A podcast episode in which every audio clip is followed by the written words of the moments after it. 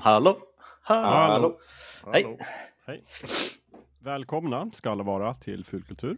Ett nytt avsnitt. Den här gången kör vi ett sånt här som vi kanske framöver kommer kalla veckodagsavsnitt. Det vill säga vi spelar in det på kvällen en veckodag via, med hjälp av modern teknik över webben. Så att jag är hemma hos mig, eh, hemma hos sig sitter Lövet. Eller, Ja. Och hemma hos sig sitter Gustav. Mm. Ja, ingen Amanda idag, men hon är på okänd ort. Det här är lite tillbaka till, det är inte första avsnittet, vi gjorde ju också Hail Mary-avsnittet på distans, men det är tillbaka till pandemitider. Ja, då gjorde vi bara så här. Det var då vi upptäckte Nej, det här exakt. sättet. Och sen kändes det så himla naturligt. Och då kändes det, oh, jag vill liksom, kan vi verkligen gå tillbaka till studion och spela in live efter det här? Och nu känns det som att det är två, två olika sätt som vi behärskar. Jag ska inte säga till fulländning, men eh, som vi kastar oss Men- emellan. Vi ville inte sluta göra avsnitt på distans, bara för att vi hade tillgång till studion igen. Exakt. Så vi tänkte att då, då drar vi upp på frekvensen och gör båda två.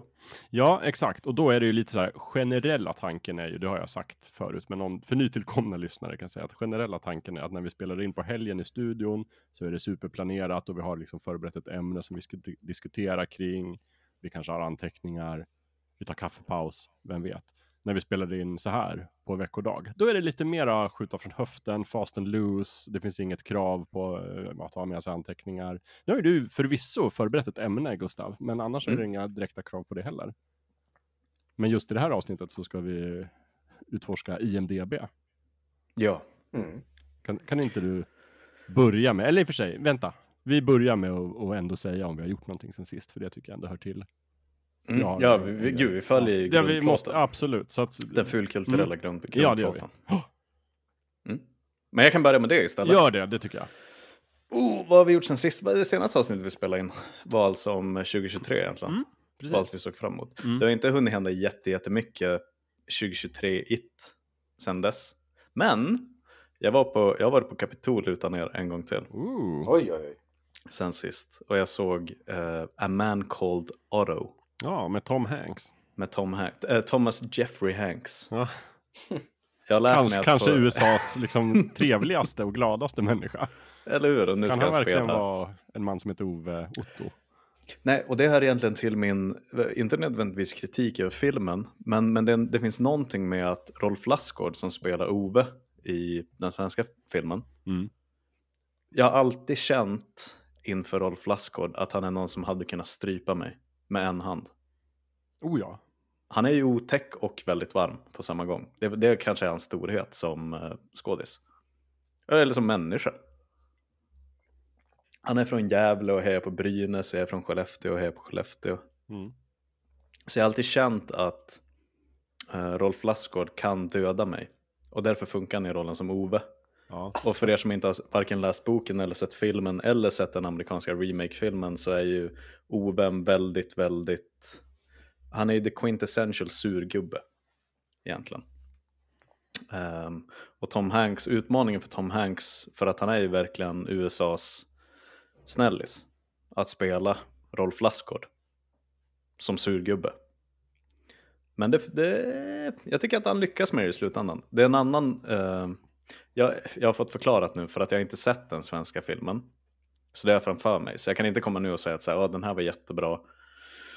Och så sen så sitter det någon som har sett, kanske läst boken och sen sett den svenska filmen och ser den amerikanska versionen och tänk, tänker att den är skitdålig. Och så sitter jag här och säger att Nej, men den var ganska bra. Mm. Så ha det med er alla som lyssnar. Att jag har inte sett den svenska versionen med Rolf Lassgård än. Men, men det är väl lite hans utmaning kan jag tänka mig ändå, Tom Hanks, att gestalta Ove, numera kallad Otto, eller Otto Wow. i den amerikanska. Eh, men men om, om jag bara isolerar det till min filmupplevelse av A Man Called Otto med Tom Hanks i huvudrollen så tycker jag att han någonstans lyckas med det han ska göra. Att vara en sur gubbe i ett villakvarter som har tappat lite känslan för att interagera med människor. Ehm, sen ser man, det är väldigt svårt vid det här laget att typ koppla bort Tom Hanks från karaktären han spelar. Det blir lite det här Leonardo DiCaprio-grejen. Att Mm. man, det, det är svårt att inte se skådisen. Men sen efter en timme eller två så luckras det upp. När eftertexterna rullar. Då. Fan, har jag... Ja, det var nog Otto i alla fall. Ja, vi har ju fått, jag måste kliva in där och bara säga, vi har ju fått eh, brev till podden och det anknyter ju faktiskt precis det här. För vi har fått ett så trevligt litet brev från Patrik som eh, skriver att han började lyssna på vår podd i julas, han uppskattar den, det är en podd på svenska som avhandlar ett sorts kultur och så vidare och så vidare. Men så ger han också lite feedback och det är att när vi droppar titlar Mm. och namn på saker, vilket vi gör hela tiden. Och sen så pratar vi om någonting och sen så går vi vidare. Då uppskattar han om man liksom lite grann knyter ihop den säcken och berättar kontexten eller sådär så man inte behöver spola tillbaka. Eh, och vi ska försöka ta med oss det. Och i det här fallet så passar det ju jättebra att säga då att om man inte känner till A Man Called Oro eller En man som heter Ove så är ju det då en amerikansk film som är en remake av en svensk film som är, bygger på en framgångsrik svensk roman som heter En man som heter Ove, som är skriven av Fredrik Backman Ja, från 2012. Och den har också blivit teaterföreställning med Johan Rheborg. just det. Är det Reborg som spelar Ove? Ja, ja visst. Så du har Johan Rheborg, Rolf Ah. Lassgård i den svenska filmen och så har du Tom Hanks. Vilken trippel. Och det vet vi också sedan tidigare att Johan Reborg kan spela surgubbe i den svenska komediserien Hjälp mig, Just. där han spelar Arjan Lax. Mm. Som, som går till, eh, ehm, vad heter hon? Hjälp mig nu. Sven, eh, finlandssvenska skådisen Arja som spelar psykolog. Ja, tack. Va? Nej, hon är väl musiker? Nej, nej, hon nej, kanske är nej. skådis också. Eh, gud, vad heter hon? Förlåt, nu, nu kommer ni höra mitt tangentbord där i bakgrunden. Eh, nej, nej, nej, det är inte Arja. Nej, Älskar Arja. jajamän. Vi ska se här. Om jag googlar nu, hjälp mig serie. Kolla vad jag hittar då. Det är bra att jag, att jag understryker att de här eh, avsnitten på distans är lite oslipade. ja, exakt. Uh, ah, hittar ingenting. Nej, den heter inte Hjälp mig, det är något annat. Skitsamma. Men eh, han spelar en karaktär där som heter Arjan Lax som går till psykologen för att han har aggressionsproblem. Så jag kan tänka mig att han gör en bra OV i en liveuppsättning. Ja, precis. Um, om vi verkligen ska ge kontext, så filmen skriven av Backman, som också skrev Hundraåringen som försvann ut i fönstret och Just Drog det, som också blev en film med Robert Gustafsson. mm, Också exakt. Surgubbe. Um, Hannes Holm, den kända svenska regissören, Mm. han gjorde den svenska filmatiseringen, En man som heter Ove, med eh, Rolf Lassgård. Och nu alltså en eh, amerikansk tappning. Men för er som har sett den koreanska filmen Oldboy, den har du sett vad jag vet? Jajamän. Mm. Mm. Den gjordes ju i amerikansk tappning av Spike Jonze med eh, Thanos i huvudrollen, Josh Brolin. Och den var otroligt dålig. För er som har sett den amerikanska versionen av Oldboy så är det inte samma sak i det här fallet. Eh, A Man Called Otto påminner mycket mer om hoppet från den svenska filmatiseringen av En man som hatar kvinnor till David Fincher-filmen som heter, gud vad min hjärna funkar dåligt ikväll, med Daniel Craig och Rooney Mara. Men den, the den girl har, with the dragon tattoo va? The Girl with the Dragon Tattoo, tack. Det är mycket mera den Sverige till Hollywood-konversationen av film. Eh, tror jag, igen. Jag har inte sett Rolf Lassgård-filmen. Men eh, det, var, det var inte en, eh, en slaktning när man bara tittar på är så här, varför? Mm. Ehm, Var någonstans på den här skalan är eh, den här Låt det rätta komma in-filmen svenska gentemot den amerikanska remaken? jag har inte sett den amerikanska remaken på låten. Inte jag heller faktiskt. Inte jag heller. Nej. Så då, då släpper vi det spåret. Och så kan jag bara passa på att berätta att det du tänkte på förut, skådespelerskan, det är ju Stina Ekblad. Tack, tusen tack. Just det, hon är med Åh! i många, många, många, många Wallander-filmer. Vet du vad jag ofta gör? Nej. Jag sitter och funderar på vem jag tycker om mest, Stina Ekblad eller Eva Fröling. Oj. Sen inser jag efter typ 45 minuter att jag älskar båda två. Det är klart. Mm. Stina Ekblad är ju så bra i Fanny och Alexander, by the way. Ja, åh gud. Oh, och där är min favorit Pernilla August också. Otroligt bra. Och Lena Olin, en ung Lena Olin. Vi får göra ett helt avsnitt om Fanny och Alexander någon gång. Ja, det kan vi göra. Absolut. Jag måste se om den då bara. Det var ett tag sedan. Då måste vi också se till att det avsnittet är typ fyra timmar och tolv Ja, minuter långt. definitivt. Alltså ja, precis, på minuten. Mm, På minuten. Det, det ska vi se till. Så man kan Jajamän. se på filmen samtidigt som man lyssnar på avsnittet. Mm. Och skutta fram och tillbaka mellan att lyssna på oss och titta på filmen. Ja, det. Men det ska inte vara ett sånt här att vi, vi, sitter och, vi sitter och tittar på filmen och kommenterar den. Det, är- det är faktiskt något jag har tänkt på, att någon Ja. gång så borde vi göra ett live-referat av en film. Det har jag faktiskt också realtid. tänkt på. Det skulle vi kunna göra som någon form av bonusavsnitt. Mm, mm. För extra trogna lyssnare kanske. Ja. Nu måste vi välja ut Um. också en bra film. Fanny och Alexander kanske är en sån bra film. Det kanske är precis tung, det vi ska göra. start. Ja, exakt, och just därför. Ehm, nej men jag, jag ska hålla mig kort, lång kort och eh, pausa där. Men jag har sett A Man Called Otto på Biokapitol. Jag hade ett jättetrevligt biobesök. Den är väldigt, väldigt slätstruken. Jag kom på någonstans halvvägs in i filmen att det finns en mycket bättre film på samma tema som heter About Schmidt med Jack Nicholson. Just det. Men sen glömde jag bort det sista 30 minuterna. För där någonstans så fångade den ganska enkla sentimentalitet... Sen, sen, eh, sen, sentim, ja, Sentimentaliteten. tack. Eh, då fångade den mig. Och så sen så grät jag lite på slutet och gick därifrån väldigt, väldigt nöjd. Så det är inte alls dumt. Gå och se A Man Called Otto. Så kanske jag får det? rätta mig själv nästa, eh, nästa avsnitt när jag kollar på den svenska versionen. Eller kanske till och med läst boken och, och säga att fan vad den var dålig. Ja. Ja, live and let live säger jag. Bra, och lämnar men över tack, till lövet. tack för det tipset. Mm. Ja, jag har varit lite in- inne på ett eh, skräcktema. För ovanlighetens skull. Eh, Du ja, kan du tänka dig?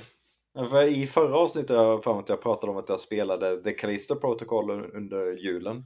Mm. Eh, och sen, sen dess har jag spelat igenom, jag är på slutet av eh, Dead Space remaken. Eh, som Motive Studios inom EA har gjort. Eh, och den är, den är väldigt bra. Eh, den har ju nästan unisont hyllats för att den eh, då, dels är det ju en, en remake av tekniken, grafiken, prestationen och eh, eh, modernisering av den. Men sen har de också gjort vissa tillägg i både handling och eh, dialog och eh, fläska till bakgrundshistorien också så att man får lite mer kontext. I, ehm, för det, det, sen originalet släpptes eh, så har det ju släppts bland annat serietidningar och eh, sidospel eh, på Wii och det ena med det tredje. Så de har lyft in lite av det i, i den här remaken. Vilket gör helheten eh, klart bättre. Eh, sen tycker jag väl inte kanske att eh, eh, de, de här hyllningarna eh, de kanske hyllar den lite väl mycket för de, eh, på, på den tekniska sidan så eh, kan man välja mellan så här prestandaläge och, och ett kvalitetsläge. Och aktiverar man kvalitetsläget så eh, börjar bilduppdateringen och eh, frame-pacingen svaja ganska rejält. Så, och, och jag är inte särskilt känslig för eh, ojämn eh, eller låg bilduppdatering. Eh, men men i, i just det fallet så var det bara nej. Så fort jag hade aktiverat den så bara nej, jag måste ställa tillbaka till prestandaläge. Så, men det är ju någonting som kan åtgärdas via patcher och själva, själva spelet är väldigt bra. Och det blev väldigt tydligt där eh, skillnaden i kv- kvalitet mellan det och The Callisto Protocol. The Callisto Protocol är, det är, ett, det är ett bra skräckspel men det är inte på nivå med eh, Dead Space eller Dead Space Remake. Mm. Eh, så det är väldigt bra. Och sen i förra avsnittet, eh, vi, vi pratade ju inte om det i studion, eh, men jag hade ju med mig den här, en, en bok, en fysisk Döda träd-bok. Verkligen, papper med. Ja, gammalt papper. Tryckt. Gutenberg. Luktade Guten. konstigt. Jag hade Gutenberg med mig under armen. Mm. Eh, det här Alien 3-manuset som William Gibson skrev. Eh, som en författare har gjort en, en bok baserat på det manuset. Eh, Pat Cadigan eh, har för mig att eh, författaren heter. Eh, Förlåt Lövet, jag måste bara lägga till där att eh, för att blidka Patrik. Där finns det ett helt avsnitt, två till och med, när vi pratar om eh, Alien. Och Aliens och Alien 3 och Alien kvadrat. Mm. Och, där, där, och i det avsnitt, avsnittet pratar vi om Alien 3-filmen. Mm. Eh, men, och i den här boken, det, det är ju det, den icke-producerade eh, William Gibson-filmen eh, som, som aldrig blev gjord. Eh, och jag, jag är väl kanske nästan halvvägs igenom den och tycker det, dels den, den är väldigt bra och den, den skiljer sig väldigt mycket från det, den som, det manuset som faktiskt blev Alien 3-filmen sen i slutändan. Eh, och det, det, det, det är sådana skillnader och det finns, det finns fördelar med det här bokmanuset och det manuset som faktiskt blev filmen. Eh, så att, eh, ja, jag tror nog att faktiskt vi kan göra ett extra avsnitt om, där vi bara pratar om filmen och det här manuset. För det, det finns väldigt intressanta skillnader mellan dem och det, det är en, en väldigt intressant bok som jag kan rekommendera till folk som, är, som uppskattar Alien-universumet. Kul! Ja, Det gör vi det. Jag har lovat att läsa den också, bara, bara på din rekommendation. Jag vill också läsa den. Ja, då gör vi det. Ja, Då tar vi ett bokavsnitt. För det var någon som Mm. skrev också att eh, det var kul med bokavsnitt och att vi gärna fick göra fler. Mm. Så då gör vi det. ja. Och sen har jag tittat på en tv-serie. Eh, är bara tre avsnitt in, men eh, Your Honor med eh, Bryan Cranston. Ah, right. Eh, har någon av er sett den? HBO-projekt va? Jajamän. Inte Ja, jag har sett den. Det är väldigt, väldigt eh, sådana svartvita foton som tar fram varje skrynkla i fejan på folk.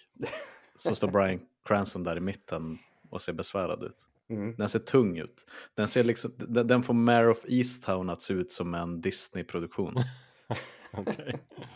Men nu, nu beskriver du omslaget. Eh, har du sett serien? Nej, Nej. jag har inte vågat av den anledningen.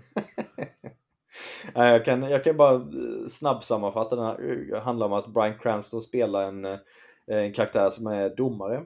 Som en framstående domare i sitt, sitt yrke. Och hans son råkar ut för, han, han råkar köra över en, en pojke som är ute på sin motorcykel. Och sen så kör han, får han panik och kör därifrån. Eh, Och sen avlider den här unga pojken då. Och av eh, anledningar så väljer Bryan Cranstons domarkaraktär att eh, sopa det under mattan. Och sen händer ju saker eh, som, som gör det där ganska obehagligt. Eh, jag, jag är bara, som sagt, så här, bara, bara tre avsnitt in men eh, än så länge den verkar, den verkar väldigt, väldigt intressant. Bryan Cranston är alltid bra i sina roller. Eh, så att, ja, det är ett, ett lovande drama eh, som, som jag med tillförsikt tror kan bli eh, en fullpoängare. Är det en miniserie eller en serieserie? Jag har för mig att det är en miniserie. Men jag har inte kollat upp hur många avsnitt det är men jag tror att den beskrivs som en miniserie. Mm. Kul. Ja, då jag då följer vi på- utvecklingen här då. Jag lägger den på listan också. Exakt, exakt. Mm. Du då Jakob? Ja, ja, vad har jag gjort? Jag har, jag har faktiskt börjat. Var, varför låter det alltid krystat när vi ber dig att berätta? Och det låter alltid som att... jag vet inte, det måste ha någonting att göra med att jag är programledare och liksom Ja. alltid försöker få er att gå först. Och sen så blir det så här, bara ska jag ens säga något? Hinner vi? Ja, men jag ska säga, jag har eh, faktiskt börjat titta på The Last of Us, som var, vi nämnde förra avsnittet, 2023 eh, års, liksom, en riktigt påkostad karamell kan man väl säga från HBO. Med reklam i busskurer och sådär. Och bygger ju då på eh, spelet The Last of Us som kom först till Playstation 3 och sen gjordes en remaster till Playstation 4 och sen gjordes tror jag en till remaster till Playstation 5.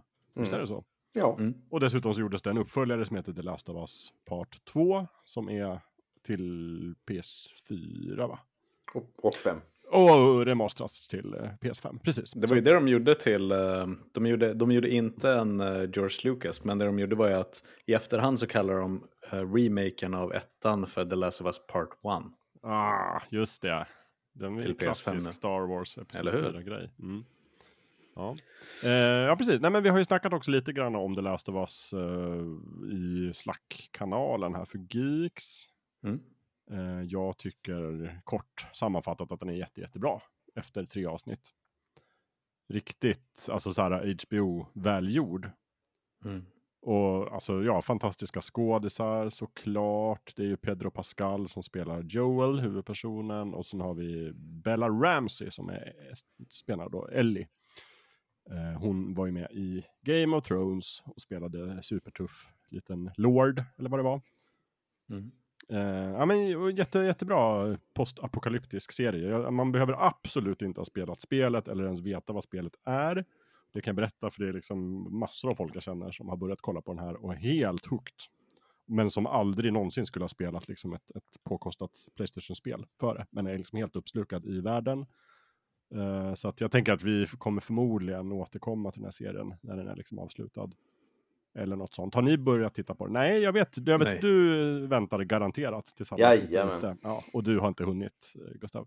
Eller du tänkte Jag- vänta tills du har några att ta av eller? Eller du är inte Nå, sugen? Nej, du tänker e- bojkotta efter, konstruktionen är, efter konstruktionen är att jag kommer göra en lövet och vänta på att allting är ute och sen Ja. binge Men den hemska sanningen är att jag inte pallat än. Ja, jag fattar. Och inte bara att jag inte har hunnit, utan ännu värre. Jag, eh, jag orkar inte ta mig an det. Jag fattar, det är så jag känner för uh, Tinker Tailor Soldier Spy som är en, liksom en film jag vet kommer vara jätte, jättebra. Men som jag bara så här, ah, pallar inte. Orkar inte Det ta mig över den här tröskeln. Varför? Vad är det där? Det där måste vi Vet, prata mer vet du om. vad jag gjorde i tisdags, Jakob? Nej. Vi spelade in det här på en torsdag. Ja. Eh, jag värmde kyckling, kokade snabbmakaroner. Orkade inte göra stuvade makaroner så jag drällde en massa beasås över makaronerna. Mm. Och så sen så såg jag på Tinker Tailor Soldier Spy i förbifarten medan Oj, jag åt. herregud. Ja, jag är inte där än kan jag säga. Jag måste se den. Jag, jag känner ju starkt att det är en film jag måste ge min fulla uppmärksamhet. Och då blir Ja, ja, det tröskeln mycket, Första mycket gången. högre. Mm. Så därför jag väntar på den här perfekta kvällen som, som aldrig kommer. Men det där är också en grej för att typ min mamma och pappa, nu kommer min mamma in i fullkultur igen. Bra. Det är första Fint. gången Vi borde för ha en liten, 2023, klo- en liten klocka som bara ding. Lägg till en eh, Ja. ljudeffekt typ Absolut. nu. Ja. Pam. Fullkultur-bingo. Ja. Ehm, men jag, jag tänker på det att de har haft vinflaskor i källaren i snart 30 år för att de väntar på den perfekta helgen att öppna dem. Och så kommer jag hem på sommaren och är fortfarande relativt ung och säger jag ska laga eh, beasås, makaroner och kyckling ikväll. Ja, ja. Öppna vinflaskan. för att jag bara vill att de ska ta tummen ur. Så jag, jag, jag säger bara åt dig väldigt vänskapligt och, eh, men, men, men fortfarande med en fas. Vänta inte för länge på att se Tinker Tailor Soldier Spy. För att Nej. väntar man på den perfekta helgen, och det här går ju till alla lyssnare också, då kan man vänta väldigt, väldigt för jävla länge. Mm. Och en dag så är det den sista helgen och då, då är det för sent. Ja, märks att du har sett The Last of Us. ja, precis. Livet är väldigt förgängligt, tänker jag. Mm. Ja, nej, men en, en jävla bra tv-serie so, so, so far. De Mm. svagaste delarna, och det är inte ens så här superstörigt, det är väl just de här små delarna när man märker att de flörtar med spelet. Att det är så här, Mhm. okej, det är exakt samma vinkel och samma, det där är ett, en grej man gör i spelet och då har de liksom, det är lite sökt. Men det är väldigt litet och jag tänker att det måste de få, få ur sig de första avsnitten. Men det, det var ju runt eh, när, när det spelet eh, fick eh, så fantastiska omdömen i, i spelvärlden så pratas det mycket om att ja, det här är ju det här, den här berättandet är ju så nära filmernas och se, tv-seriernas värld som, som berättande blir i ett tv-spel. Så det är, inte, det är inte jättechockerande att de har lyckats eh, översätta eh, det spelet till en tv-serie på Nej, på ja, men absolut. sätt. Nej, precis så. Men att den, att den skulle vara så bra. Jag tycker verkligen de har gjort en liksom bra adaptation. För de har liksom fyllt ut delar där, där, det, där man vill att de ska fylla ut. Men de har inte liksom stannat upp vid grejer man kanske inte vill. Ja, jag vet inte. Bra gjort helt enkelt. Superbra. Rekommenderas vid tillfälle. Eh, och sen har jag också börjat kolla på en annan serie som är raka motsatsen. Det är en väldigt så här feelgoodig tv-serie på Apple TV+. Jag tror typ att nästan alla tv-serier på Apple TV+, är feelgood. eh, men detta är en komediserie som heter Shrinking, som är skriven och skapad av Bill Lawrence då, Ted Lasso-killen, Ah, och också right. Sk- Scrubs-killen och Spin City-killen och alla möjliga sitcoms-killen. Mm. Eh, och det, jag vet inte, jag vill inte säga rakt ut att det här är liksom fattigmans Ted Lasso, men, för jag har bara sett två avsnitt. Men den försöker köra lite samma beats Det är eh, han, utspelar, det handlar om, om Jason Siegel. Eh, Vad heter han? Jason Siegel? Mm. Heter han så? Ja, precis. mm. Just det. Eh, känd skådespelare som kanske är mest känd för How I Met Your Mother tv-serien. Eh, jag vet inte om han var riktigt så här hungrig på att se mer av Jason Segel, men han är i alla fall här och tycker jag gör en så här, sin vanliga insats ganska bra. Men han spelar en eh, psykolog, eller en KBT-psykolog som är deprimerad och ledsen efter att hans fru har dött. Och så, så här, handlar om hur han dealar med den sorgen och då i samband med det blir lite frustrerad över alla hans patienter som bara, ni vet inte hur bra ni har, eller så här, jag vet ju vad ni ska göra för att må bättre, och sen så eh, börjar han liksom tumma på de här etiska reglerna och att man inte involverar sig i sina patienters liv, och så gör han det fullt ut istället. Och det tokigheter uppstår, som man brukar säga. Eh, men den är lite sådär eh, som Bill Lawrence är bra på, att det är en ganska enkel komedipremiss. Och sen så jobbar han mycket med att vända de här idéerna. Man tror att man vet precis hur storyn ska utvecklas. Man tror man vet exakt vad det är för karaktärer. Och sen så vänder han det lite upp och ner. Sådär. Som i Mm. Ted Lasso. Eh, roligaste överraskningen här är att Harrison Ford, av alla människor, är med och spelar hans äldre sure kollega, Dr. Paul Rhodes. Som är också lite hans chef då. Men eh, jag vet inte, jag har aldrig liksom associerat Harrison Ford som en så här direkt komediskådis. Men han gör faktiskt väldigt bra spelar lite. Också apropå sura gamla gubbar så spelar han här en ganska grinig gammal gubbe med hjärtat på rätta stället. Han hade kunnat tro på som Otto. Ja, Till ja men 100%. precis. Jag tänkte på det när du sa det, att eh, Harrison är bra. Så att, jag vet inte, som sagt, två avsnitt ute. Eh, vi får se hur den här utvecklar sig. Eh, men eh, det känns ja, bra substitut än så länge. Mm. Det var väl det. Sen ska jag faktiskt också läsa det andra mejlet vi har fått in. Och det är från Kenneth. Och Kenneth skriver också hej och tack för en kanonmysig podd. Och så säger han apropå gamla actionfilmer som vi pratade lite grann om i slutet av förra avsnittet. Eh, skriver han, så tycker jag att 21 Bridges med Chatwig Boseman är en nyare film med känslan av en gammal actionfilm. Och att han blev glatt överraskad när han såg den. Eh, har, har någon av er sett den? Nej. Nej, tyvärr. Inte jag heller, så ingen av oss har sett den, men då tar vi med det som ett tips från Kenneth, Mm. 21 Bridges. Eh, och sen så skriver han också så här, jag skulle gärna höra någon av de andras åsikt om Willow. Tv-serien alltså, för jag tyckte den var riktigt dålig, skriver han. Fina... jag tyckte den var bra. Eh, Fina miljöer och så, men manus och vissa skådespelarinsatser var otroligt svaga, skriver Kenneth. Och på ett sätt så kan jag ju bara hålla med dig Kenneth, ja. Uh, jag skulle kanske tycka att manuset inte är jättedåligt. Jag skulle snarare tycka att temposättningen är lite dålig. Men ja, skådespelarinsatserna är ibland otroligt svaga. Det håller jag med om. Det är ju lite sådär en... Alltså Disney gör ju inga billiga produktioner, men det känns som en lite billig produktion. Relativt sett i alla fall. Så att jag, jag får hålla med. Jag hör vad du säger Kenneth och jag håller med till viss del. Men jag gillade den ändå. Eh, men då är frågan så här, är det någon av er som har tänkt se den och eventuellt kommer ha en åsikt om den? För då kan vi sätta en pin i det här mejlet. Jag har tänkt att se den. För jag, jag gillar originalet, originalfilmen även om den är inte heller bra. Eller den är inte jättedålig men den är ju det är ingen, ingen super, superklassiker direkt. Men jag gill, den har en, ändå en viss charm som jag uppskattar. Och jag, jag har föreställt mig att jag sk- skulle reagera likadant på den här tv-serien. Att den kanske inte är fantastiskt bra. Men att den ändå har någon charm som jag kan uppskatta. Mm. Men eh, då får jag helt enkelt återkomma med om, om den faktiskt levererade det eller inte. Ja, ja, men du får göra det. Nu är ju alla avsnitt i säsong ett ute, så du kan ju se den vid tillfälle då. Någon, Mm. Den här perfekta helgen kanske, Ja, som precis. kommer. Öppna vinflaskan i källaren och köra igång. Mm. Bra, eh, det var det. Ska vi bara hoppa in i IMDB-ämnet? Förlåt, får jag bara slänga in en spaning Det innan? går bra. Eh, när du pratade där i början, Jakob, om eh, The Last of Us. Ja.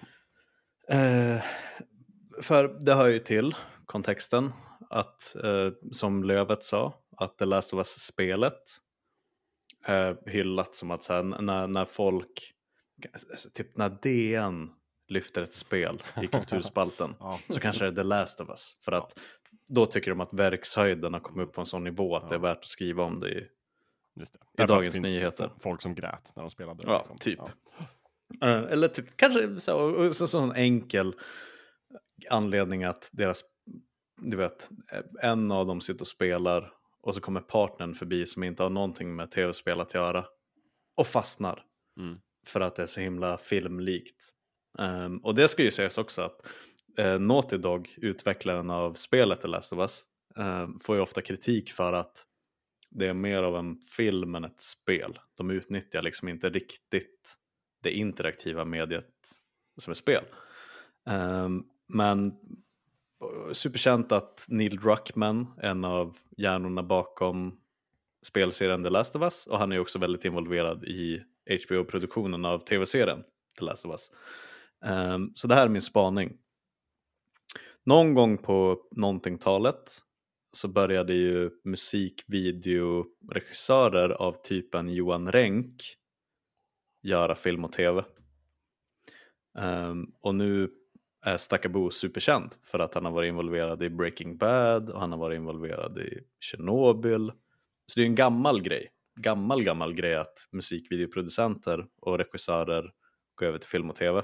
Mm. Michael Bay Vad- exempelvis. Michael Bay till exempel. Mm. Ehm, som gjorde den otroliga filmen eh, Transformers Dark Side of the Moon. Just det. Odödlig klassiker. Uh, odödlig klassiker. På fel sätt. Det, det kommer också blöda in i IMDB topp 250-snacket snart. Ehm, det jag tror, för att uh, minns bara tillbaka 10, 15, 20 år när eh, adaptioner eller då filmatiseringar, filmatiseringar av tv-spel är av typen typ Doom. När The Rock är med och sen så byts till första persons perspektiv för att det ska härma Just spelet. Ja. Mm. Ehm, fram till idag när vi har HBO gör The Last of Us, folk skriker. Uh, DN för övrigt skriver om filmatiseringen The Last of Us. Ehm, så jag tror att det här är starten på en ny era där ehm, författare och regissörer av tv-spel går över till tv och filmbranschen. Och Neil Druckmann är lite snubben som kommer att bli något typ av pionjärnamn för det här. Men det här är bara starten. Det är min Mm. spaning. Mm. Att vi kommer snart att ha, ehm, du vet, Guerrilla Games tillsammans med Amazon Prime gör eh, Horizon Zero Dawn, Ja. A New Beginning. Just det. Det är Pam, väl på, det är ju på gång då naturligtvis. Vet du. Men jag vet inte om det är Amazon som ska göra Horizon. Jaha, finns det? Horizon, är, nej, men, eh, om det kan vara Netflix kanske, som är Kanske? in early stages of development som det heter. Mm. Av en eh, Horizon-serie. Så att ja, du kan ha rätt. Men du menar alltså att det är The Last of Us tv-serien som är startskottet, inte Halo-tv-serien från förra året? Nej, nej verkligen Nej, okej. inte. Nej, men för att jag, jag tror att det behöver namn. Alltså Hollywood Ja, har alltid jag behövt fattar. Mm. namn att Ja. sätta på grejer. Mm. Ehm, och nu kommer Neil Druckmann förmodligen inte att göra ett till Naughty Dog-spel i samma utsträckning som han gjort tidigare för att Nej. han kommer gå till film. Mm. Ehm, och jag, jag tror att fe, fler kommer att följa hans fotspår. Där vi, vi, vi, vi förknippar ett namn med en väldigt väl mottagen spelserie. Och så sen så går det namnet vidare till att göra film. Jag tror, nej, eller tv. För att film tror jag fortfarande kommer, det kommer vara svårt att göra en AAA filmproduktion av ett spel. Men man kommer hitta de här mänskliga historierna, alla The Last of Us, som är en väldigt eh, så karaktärsdriven story i Ja. en zombie-miljö. Eh, man kommer hitta dem och överföra dem till eh, film, eh, tv, förlåt. eh, på samma sätt som att fantasyförfattare gick, fick, blev äntligen inbjudna till att eh, ko- komma in i finrummen i Hollywood och göra Just film och tv där. Ja. Ehm, så, så, så tror jag att den typen av kreatörer som heter Neil Druckmann ett, med flera, de kommer komma till Hollywood och Netflix och Amazon Prime med start nu. Pam! Ja. Det händer nu. Fråga mig igen 2025. Jag tror att du har rätt. Får jag bara säga där också att eh, du nämnde Johan Renck också som Mm. en sån här musikvideoregissör som har blivit en tv och filmregissör. Eh, Det, är också, det anknyter också till en trend som jag ser som är att väldigt många Hollywoodproduktioner har, liksom, vi har ju pratat i ett avsnitt om, om svenskar i Hollywood, men en hel underkategori av det är ju regissörer. Där liksom Johan. Renck såklart är ett namn. Och där har vi också i The Last of Us, eh, jag kollar bara på listan här nu, de som regisserar avsnitt här. De två sista avsnitten i den här säsongen kommer ju regisseras av Ali Abasi, Jaha. som ju är eh, iranskfödd då, men har migrerat till Sverige och har ju gjort den här eh, otäcka filmen eh, Gräns. svenska, Just det. Från 2018. Trollporr. Som bygger på, ja, som bygger på, tror jag, John Ajvide Lindqvist berättelse på något sätt, Mm. har jag för mig. Och även den här äh, danska skräckfilmen Shelley. Right. Så det ser vi ju fram emot bara det. Mm. Mm. Tala om att flyga under radarn också på något sätt. In i Hollywood. Ja, precis. Det, det är inte liksom Alicia Vikander-vägen. Nej, utan R- rakt in i the limelight. Ja, nej. Indeed. Men jag tror ja, det, om det, det kan jag tänka mig att det inte är den sista liksom, Hollywood-produktionen som Ali Abasi Det tror jag. Nej, nej, regisserar i verkligen så fall. inte. Om nu liksom serien fortsätter att hålla samma klass som den har gjort hittills. Avsnitt Mm. tre har ju redan blivit liksom nämnt på internet som liksom årets tv-avsnitt på något sätt. Du som har sett det, var det så bra? Ja, det var bra. Det var Bra. väldigt bra faktiskt. Ehm, jag har sett det två gånger till och med. Först kollade jag på Last of Us med två vänner som vi spelade spelet också. Kollar. Och sen måste jag då kolla igen då med, med min fru Tove. Eftersom att hon är lite sur över att jag kollar på det borta med mina vänner. Men är för feg då för att kolla på det själv. För det är läskigt med zombies och Ah. sådär. Så att jag får kolla två gånger. Men det håller den för. Så det är inga problem. Mm. Ja. Grymt. Okej hörni, IMDB. Vill du Gustav kort förklara för folk vad IMDB är? Eh, International Movie Database står det för. Ganska så, inte en jätteavancerad akronym. Man kan nästan gissa sig fram till vad det handlar om. Um, Film. Har väl varit en film, film, definitivt film. Um, och har väl utgett sig för genom åren att vara någon typ av definitiv sanning när det kommer till film. Um, åtminstone någon typ Förlåt av... Gustav, det är för mig främmande att bara gå in och rätta dig så här alldeles i början. Men står det inte för The Internet Movie Database? Inte The International Movie Database. Vill du rädda mig och börja om eller ska vi leva med den här synden? Nej, du får välja. Vi kan köra annars. Nej, vi, vi börjar. klipper inte. Okej, vi klipper nej, många vi grejer men vi Ja, klipper inte. Inte detta. Nej. Internet Movie Database. Fan, det där var lite en önsketanke kanske. Den är ju tycker- internationell. Den är internationell, ja faktiskt. Den är internationell. Ehm, Okej, Internet Movie Database vet ju alla. Har väl utgett sig för att vara i alla fall någon typ av eh, definitiv sanning när det kommer till film genom åren. Mm. Um, åtminstone bör första halvan av 10-talet skulle jag säga. Mm. Ehm, från, från 2000 till 2010 så fanns det väl egentligen ingen seriös utmanare till IMDB när det kom till att prata om eh, filmbetyg i ett mera mainstream syfte. Jag minns att vi, eh, hela min uppväxt så gjorde jag det. Ja, vad har den på IMDB? 6,6. Äh. Mm, ja. Ehm, och så kollade man på den här topp 250-listan som de hushåller. ehm, där egentligen använd, användarnas betyg på IMDB rankar de 250 bästa filmerna genom, genom alla tider.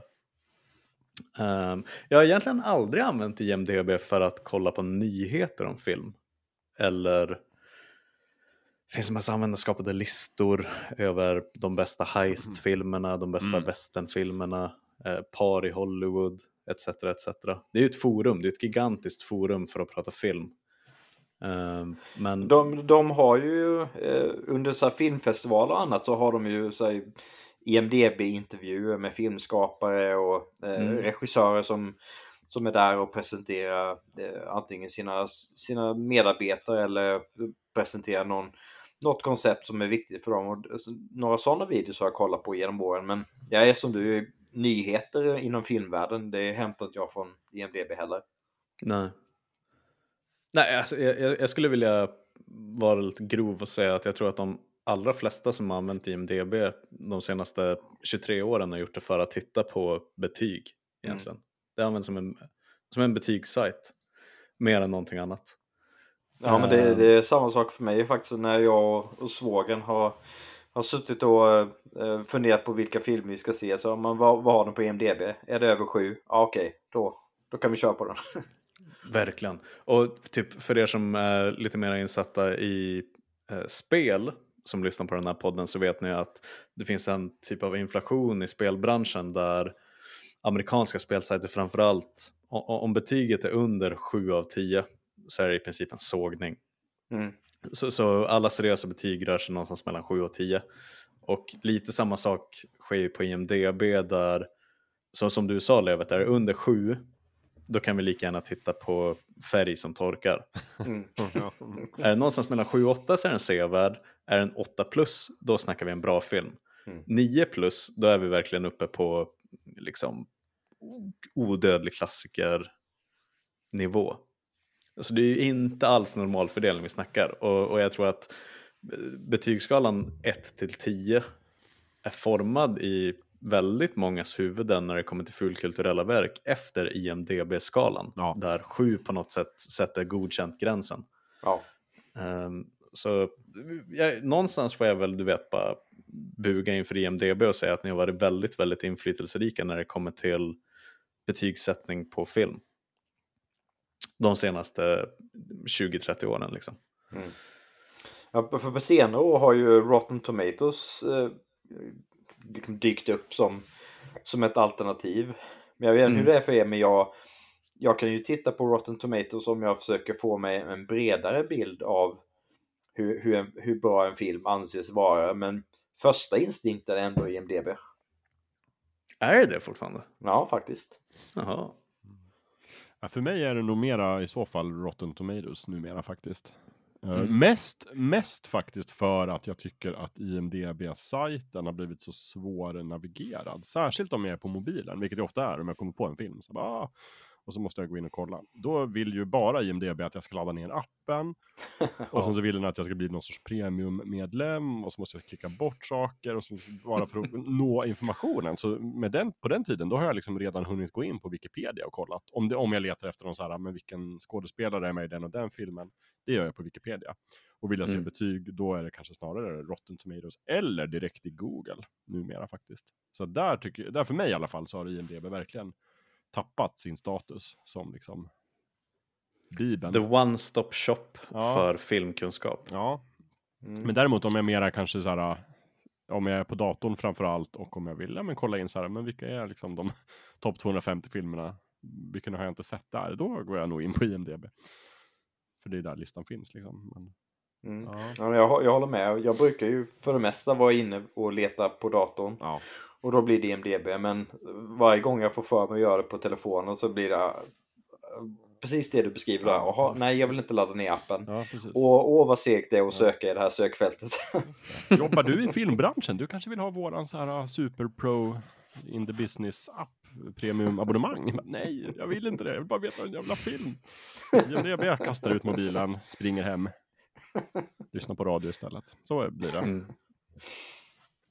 Det ska ju också vara sagt att IMDB har ju um, database-delen av titeln är ju inte titta på utan de, de har egentligen så, så många detaljer de kan ha om en titel. Mm. Ehm, jag använder fortfarande IMDB för att ta reda på superspecifika grejer, typ vem skrev episod 3 i säsong 4 Eh, och vilka låtar var med i soundtracket Ja. i just det avsnittet. Mm. För det Definitivt. hittar man Nej. inte riktigt på Wikipedia-sidan. Mm. Nej, men där, finns det ku- kuriosa om filmen och allt möjligt. ja, Ja, absolut. precis. och sen är det lite olika kvalitet av de här grejerna, liksom, vet jag. Men, men det- det finns ingen annan ställe på nätet egentligen som är bättre för just den typen. Så man kan väl säga så här, det är ett superviktigt verktyg för oss som, som Mm. poddar semi-regelbundet. Liksom. Eller helt regelbundet faktiskt. Eh, och kolla upp saker inför avsnitt. Så här, då använder jag ju IMDB nästan varje gång. Mm. Men, eh, men ja, och det ska vi också se för kontext. Eh, Så lyssna noga nu Patrik.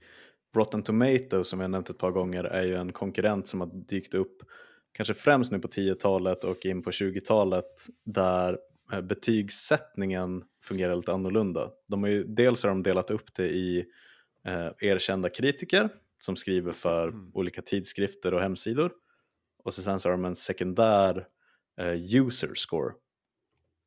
Och de följer efter en egentligen eh, positivt inställd till filmen eller negativt inställd till filmen eller tv-serien. Mm. Eh, så de jobbar med en, en procentsats egentligen. Så att filmer på Rotten Tomatoes får, kan- om, en film på Rotten Tomatoes får 86% så innebär det att 86% av alla kritiker som har recenserat filmen var mer positivt Mm. lagda än negativt. Mm. Så en positiv recension räknas till ena sidan, så det är lite binärt på det sättet. Eh, så 93% betyder bara att 93% tyckte om den, sen ifall det tyckte om den väldigt, väldigt mycket eller tyckte om den alldeles lagom spelar egentligen ingen roll. Eh, så det blir lite mer så generellt att den övergripande majoriteten tyckte om den eller tyckte inte om den. Och så finns det då att använda betyg mellan 1 till 10 tror jag för att komplettera det här. Då. Eh, så det är, det är en liten annan take på hur man gör filmbetyg. Och jag tycker själv tycker jag om det bättre och jag använder också Rotten Tomatoes mycket, mycket mera Mm. än IMDB, precis som du Jakob. Uh, men, men när det just kommer till de bästa filmerna genom, tidigare, genom tiderna så håller jag fortfarande IMDBs topp 250-lista som någon typ av de här stenplattorna från berget Sinai som, som bärs ner som ska berätta någon typ av evig sanning om livet och universum. Precis. Ja, de är ju bra de där stenplattorna, det är de ju. Men det är kanske inte Mm. ofta det man liksom drar fram på tunnelbanan när man ska kolla upp någonting snabbt. Så är det ju. Mm. Så att det är en bra, Eh. bra metafor. När använde ni IMDB första gången? Måste jag bara fråga lite snabbt nu innan vi hoppar in på nästa talpunkt. Eh, det var 8 augusti 1999 tror jag. Jaha. Nej, jag har ingen aning. Hur ska jag kunna minnas det? Superlänge sedan. Jag vet inte. Men det var väl någon gång antar jag i gymnasiet eller någonting. Nej, Mm. efter gymnasiet. När, när kom Jag har för mig att jag, jag var inne på den eh, ganska kort efter den hade lanserats. Eh, för jag var ju inte filmnörd redan på den tiden och eh, det, det var ju betydligt enklare på den tiden. Men, men då var det mer så här kuriosa, va? vilken typ av information kan man få reda på här? Men sen dröjde det ett par år innan det började, den började bli en, en naturlig del av min vardagliga, mitt vardagliga webbläsande. Jag kommer med att säga så här. The Fellowship of the Ring släpptes eh, som bekant 1990, 2001. Förlåt. 1990 2001. Ja. Ja, jag börjar börjar bara tänka, så fort jag tänker på film tänker jag på The Phantom Menace. Men Det är ju för att du Ehm. tänker också på att Sagan om ringen är den sista stora 90-talsfilmen. Ja, exakt. exakt. Uh, använder du IMDB för att titta betyget på The Fellowship of the Ring 2001? Nej, det gjorde jag inte, men jag kollade nog på andra filmer på IMDB. Just eh, Sagan om ringen tror jag var så unison, så här, alla var rätt överens på i, i the zeitgeist att det här var en bra film. Och hypen och innan sådär. Nej, jag använde väldigt lite IMDB just, just för Sagan om ringen. Men, ja. men jag använde IMDB som verktyg redan då, ja. Okej. Jag tror jag kollade The Matrix på IMDB till exempel. Mm. På tal om filmer från eh, 1999. Yes. Mm. Tack. Du då? Okej, grymt. Eh, oj, bra fråga. Jag tror jag, du vet, när min... eh, jag minns att jag såg Gudfadern första gången 2007. Men då var den redan en, eh, en film som jag visste var nästan i toppen på IMDB. Eh, till och med toppen, toppen tror jag. Jag visste om att Gudfadern var erkänd som den bästa filmen som någonsin har gjorts. Och det måste jag ha fått från IMDB-listan. Mm. Eh, jag tror det också fanns en bok på ehm, biblioteket i Skellefteå som hette 1001 filmer som du måste se innan du dör. Och där var Gudfadern också med. Mm.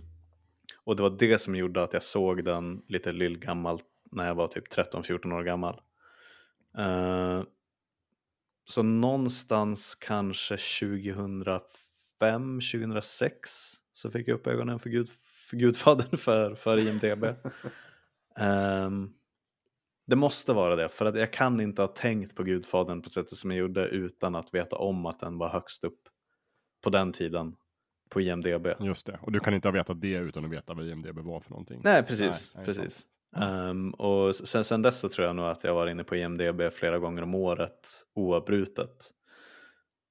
Bara för att, av olika anledningar egentligen. Men, men, men en stor del av mina, du vet den formativa, de formativa åren så var det för att titta på betyget på IMDB innan jag bestämde mig för ifall jag skulle kolla på en film. Just det. Och när jag inte visste vad jag skulle kolla på så gick jag till 250-listan för att ta reda på det. Ehm, så någonstans där 2005-2006 tror jag att min IMDB-resa började. Också någonstans känns det ju som liksom IMDBs eh, höjdpunkt. Ja, i verkligen. Liksom Det är, anseende och användbarhet. Väl Mm. ungefär 2005. Var det Precis. innan de blev uppköpta av Amazon? Eh, det blev de eh, någon gång, ja. Jag ska kolla. Jag har faktiskt skrivit upp det här när det blev, men jag hittar inte den informationen. Jag misstänker att det har någonting med varandra att göra. Ja. Eh, 98 blev de faktiskt köpta av. Aha, Ah, okej. okej. Ja, Så men var- ja. Så förfallet hade börjat tidigare alltså? Men så är det ju alltid när IMDB köper upp någonting. Först liksom från de första åren efter uppköpet så kanske de liksom når sin högsta topp. Men, men förruttnelsen är redan på gång och sen så efter det så bara sjunker de. Rigor Mortis tar ett tag och... exakt. Mm. Mm. När, det, när Men, eh, Amazon köper upp dig, då är det redan för sent. Det är därför IMDB-sajten är lika ful som Amazon-sajten. Japp. Mm. Och, och svårnavigerad för den Mm, delen. precis, jo men det ska ju vara en del av varumärket. Så. Men hörni, ska vi, jag vill leka den här leken nu som du har kommit på, Gustav. Mm. Eh, nämligen att vi ska gå listan, topp 250 filmerna, uppifrån och ner. Och sen så ska vi då stanna den första eh, filmen som någon av oss inte har sett. Då ska vi ropa Ja. vårt namn eller vad då? Jag tänker Eller bara det säga egentligen. den har inte jag sett. Det kan vi göra också. Att Och, sen, du och då får- stannar vi och så pratar vi om det. Ja. Ja. Åh, du, vet vad, om vi är riktigt smarta, vet du vad jag gör nu? Nej. Om lyssnarna inte redan har topp 250-listan eh, öppen på deras telefoner. Ja. Eller skärmar. Det är väl startsidan tänker jag, på mångas mobiler. Ja, ja. Om, om de är seriösa filmkulturlyssnare så har de det bokmärkt. Men om de inte har det, då? Ja, eh, om du lyssnar, ta fram topp 250-listan så kan du följa med nu Just det, precis. uppifrån och ner. Just det, det är jättebra. Och då kan vi också se vad det är för IMDB-betyg och så vidare. Och så vidare. Sådär. Eh, exakt. Oh, exakt. Vem leder den här leken? Då är det jag, är det jag eller som...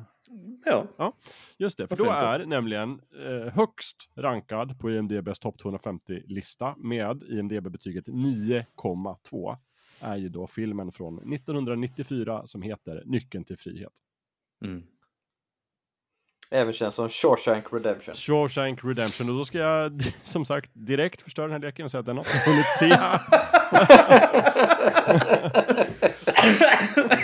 Åh gud, jag svalde min tunga. Vad fan i helvete. Har du aldrig det. sett? Nej.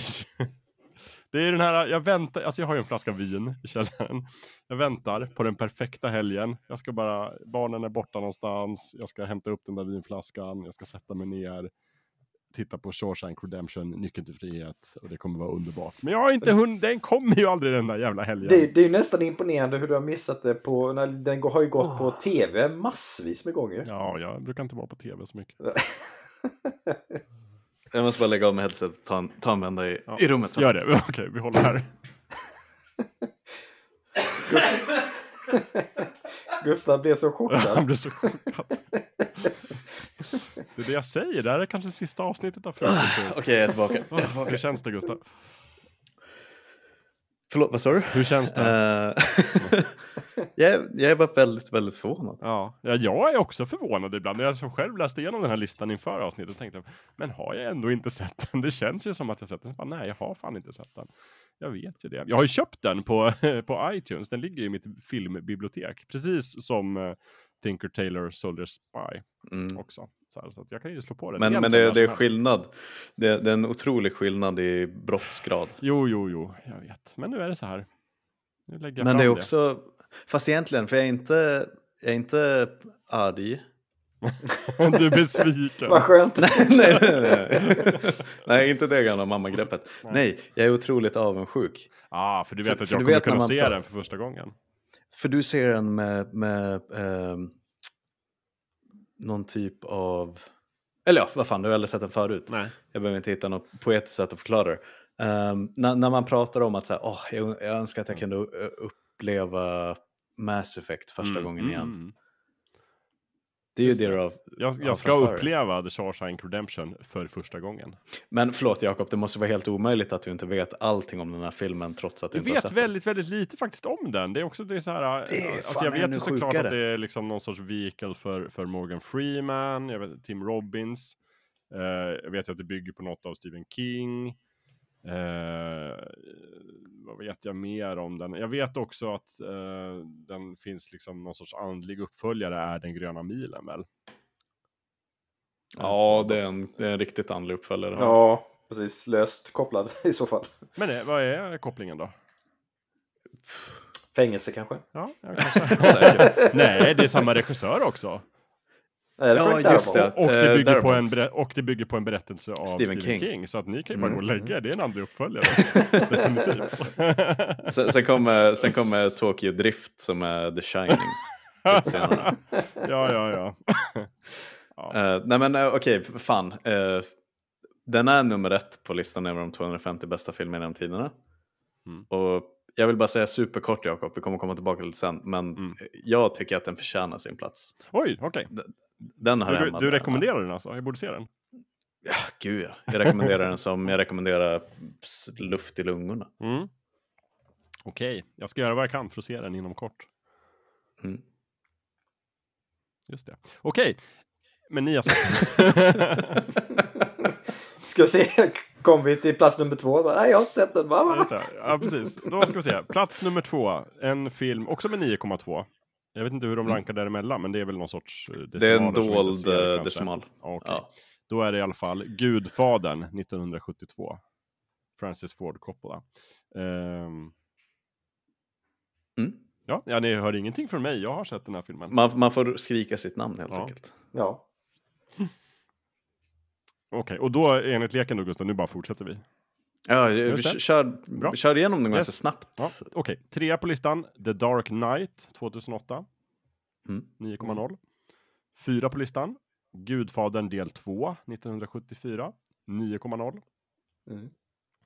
Femma på listan, 12 edsvurna män 1957. 9,0. Andreas! Andreas! ja, jag har inte sett den. Den heter alltså, originaltiteln är 12 Angry Men. Den är som sagt från 1957, så det här är en riktig gammal klassiker. Mm. Den har du inte sett? det. Nej. Nej. Den har jag sett. Jag har också sett den. Det är väl Henry Fonda-filmen? Jajamän! Ja. Det är Mm. det. Och vad, vad heter han ehm, som jag alltid glömmer namnet på från Stålmannen 3 tror jag det är. Eh, Ett, enkelt, ett enkelt misstag att göra. Ja. Ja, nej, nej, jag kommer på vad han heter. Som jag aldrig gör. Men den har jag i alla fall inte sett. Okej. Otrolig film. Helt Men otrolig film. eh, snabb sammanfattning av vad den går ut på. Har du sett Phone Booth med Colin Farrell? Bra film. Ja, det har jag. Mm. Eh, på samma sätt som att hela den filmen utspelar sig i ett, en telefonkiosk. Mm. Så utspelar sig 12 edsvurna män i det här lilla rummet där juryn förpassas till för att överlägga om det ska bli skyldig eller icke skyldig. Mhm. Eh, Så det är helt enkelt att premissen är att ett mord, ett mord har skett, Lövet. Med stort M och Mm. Henry Fonda och elva andra arga män ska ta reda på ifall eh, den anklagade är skyldig eller inte. Och eh, hilarity ensues, som man säger på, på engelska. Men Mm. är det en komedi eller drama? Nej, eller? fy fan, den är blytung. Mm. Med, med, ett, med en fin sensmoral. Om att inte, det är väl, och typ om man ska sammanfatta ordspråket döm inte en bok efter omslaget så är det den här filmen. Mm, Okej. Eh, Ja, då måste Och, och eh, se. Nej men eh, faktiskt, alltså, för det är ju en uh, Sidney Lumet-film. Alltså Dog Day Afternoon och eh, tusen andra rullar. Ehm, fantastisk bra film. Så se den när du får tid. Eh, Jakob, vill du lägga till någonting? Nej, det var otroligt länge sedan jag såg den. Det var i mina tonårsdagar. Men vad jag minns så var den eh, stark. Mm. Mm. Och den, Det- är, den är väldigt, väldigt stark. Det kan ju läggas till på många av eh, filmerna på den här listan som jag har sett. Men som jag har sett en gång för väldigt, väldigt länge sedan. Så jag skulle inte kunna göra så bra jobb med att sammanfatta dem. Nej, just det. Då det, kan man ju bara hojta till om det är någon man planerar att se igen inom kort. Eh, Men då går vi vidare med listan och då är vi framme på plats nummer 6 och då är det Steven Spielbergs Schindler's List från 1993 med betyget 8,9. Mm. Mm. Vet jag att alla har sett. 7. Jajamän. Mm. 7 då, Sagan om Konungens återkomst 2003, 8,9. 8. Pulp Fiction 1994, 8,8. 9. Sagan om ringen eh, 2001, som vi sa, 8,8. Eh, och på plats nummer 10, Den gode, den onde, den fule 1966, 8,8. Det är många som har Mm. 8,8 här. Ja. Mm. Sen är det plats nummer 11, då är det Forrest Gump, 94. Eh, Zemeckis. 8,8. Mm, precis. Tom Hanks. Eh, nummer 12 på listan, Fight Club, 1999, 8,7. Nummer 13, Sagan om de två tornen, 2002, 8,7. Mm. 14, Inception, 2010, 8,7. 15, Rymdimperiet slår tillbaka, eller The Empire Strikes Back som vi oftast säger nu för tiden, från 1980, 8,7. Nummer 16, Matrix, 1999, 8,7. Förlåt, jag får bara stoppa dig där. Ja. Visst märker du att det finns en liten klick här med Sagan om ringen, Inception, Ja. Star Wars och Matrix där fantasy och science fiction kommer in från ingenstans. Ja. För topp, toppen är väldigt, väldigt mycket karaktärsdrivna, Ja, seriösa, tunga Ja. ämnen. ja men filmer. verkligen, verkligen. Mm. Mm. Sen är det nummer 17 då, då är det Goodfellas, alltså Maffiabröder, 1990, 8,7. Gud vilken bra film. Mm. Eh, plats nummer 18 då, Gökboet, 1975, 8,6. Stopp. Stopp, där stoppar du! Japp. Jack Nicholsons Jaså? bästa film nästan. Ja, One flew over the cuckoo's nest. Gökboet, den har du alltså inte sett? Det är nej. det du säger? Och jag, fan, jag har sett utval, utvalda, Lövet när du var på, eh, på toaletten så pratade jag och Jakob om det här. Jag har sett utvalda scener och eh, de första 20 minuterna. Men jag har aldrig sett Gökboet i sin helhet. Så jag kan inte med gott samvete säga att ja, jag har sett Gökboet. Fan vad bra den var. Men är de här 20 minuterna för att du har startat filmen, inte sett klart den, eller är det för att du har bara sett 20 minuter delar av den? Nej, nej, jag- första 20 minuterna sen, jag var förmodligen full och somnade. Okej. Och så sen, och så, sen så hade jag min uh, um, Shawshank Redemption dagen efter när jag tänkte nej, vad fan höll jag på att göra där? Jag måste ju vänta till den perfekta helgen för att se One Flew Over the Cuckoo's Nest. Vad håller jag på med? Och så har det aldrig blivit av. Mm. Så här sitter jag och gör mig lustig över Jakob Ja, när jag begår exakt samma brott men 17 placeringar längre ner. Ja, precis. Och vad är 17 placeringar på 250? Det är inte mycket. Nej. Av de, också av de 250 bästa filmerna genom alla tider. Ja, så man ska vara glad Verkligen. ifall man är på plats 249 tycker jag. Jag skulle nog säga att vi är lika goda kålsupare du och jag. Ja, Nästan verkligen. lika i alla fall, jag kanske är lite bättre. Jag vill bara säga om Gökboet att det var ju den andra filmen någonsin som vann alla fem, liksom de största Oscar-nomineringarna. Nämligen Mm. Best Picture, Best Actor in a Lead Role, Best Actress in a Lead Role, Director och Screenplay. Ja. Vilken Det är en ganska liten klubb. Vilken är, ja, den första var ju It Happened One Night från 1934. Den är inte med på IMDB. Hittills i alla fall. Mm. och vilken vet ni vilken som kom sen? Eh, Okej, Lövet, låt mig ha fel så kan du ha rätt. Jag säger Sagan om Konungens återkomst. Nej! Nej just det! Åh, jag är dum i huvudet. De vann Ja. ju inga Nej, äh, actor-roller. Eh, jag vill säga eh, Silence of the Lambs. Ja, rätt! Bra! Precis. Tack. Förlåt. Leo, sen tog tror jag det, rätt också. Jag tror att det bara är, jag tror att det bara är de tre faktiskt. Som har vunnit alla, alla fem. Så det var ju kul. Okej, ska vi fortsätta med listan? För du har väl sett Gökboet, Lövet? Jajamän. Ja, vad bra. Men då har vi väl alla tre? Eller? Ja, ah, just det. Det var så leken gick. Mm, Just det, nu fattar jag vad leken går ut på. jag satt precis Och och, tänkte, jag satt precis och tänkte, vad fan ska vi gå igenom alla 250 filmer? Det kommer ta jättelång tid. Just det, Nej, men för jag tänkte så här att vi såg ett frö. Att vi, okej, så Jakob du föll på nummer ett. Mm. mm. Lövet föll på nummer 5 och jag föll på nummer 18. Men jag tänker att nu får lyssnarna om de vill fortsätta scrolla neråt Just och kolla när de går bet. Ja, Att och här, ah, skriv, Terminator in, 2. skriv sen in och berätta, vad är den första filmen då ni bommar på? Ja, Eh, och, så blir det kul content för oss sen när vi läser upp det i mejlet. Mm. Men ja, just det. Det känns som att jag förlorade leken snabbt ändå. Det är lite som i, i det här Seinfeld-avsnittet i The Contest. När, när Kramer genast, ögonblickligen från att de börjar tävlingen, går ut ur lägenheten, kommer tillbaka, slänger ner en sedelbunt och bara jag är ute. men Jakob jag måste fråga en grej. Du får ljuga om du vill. Ja.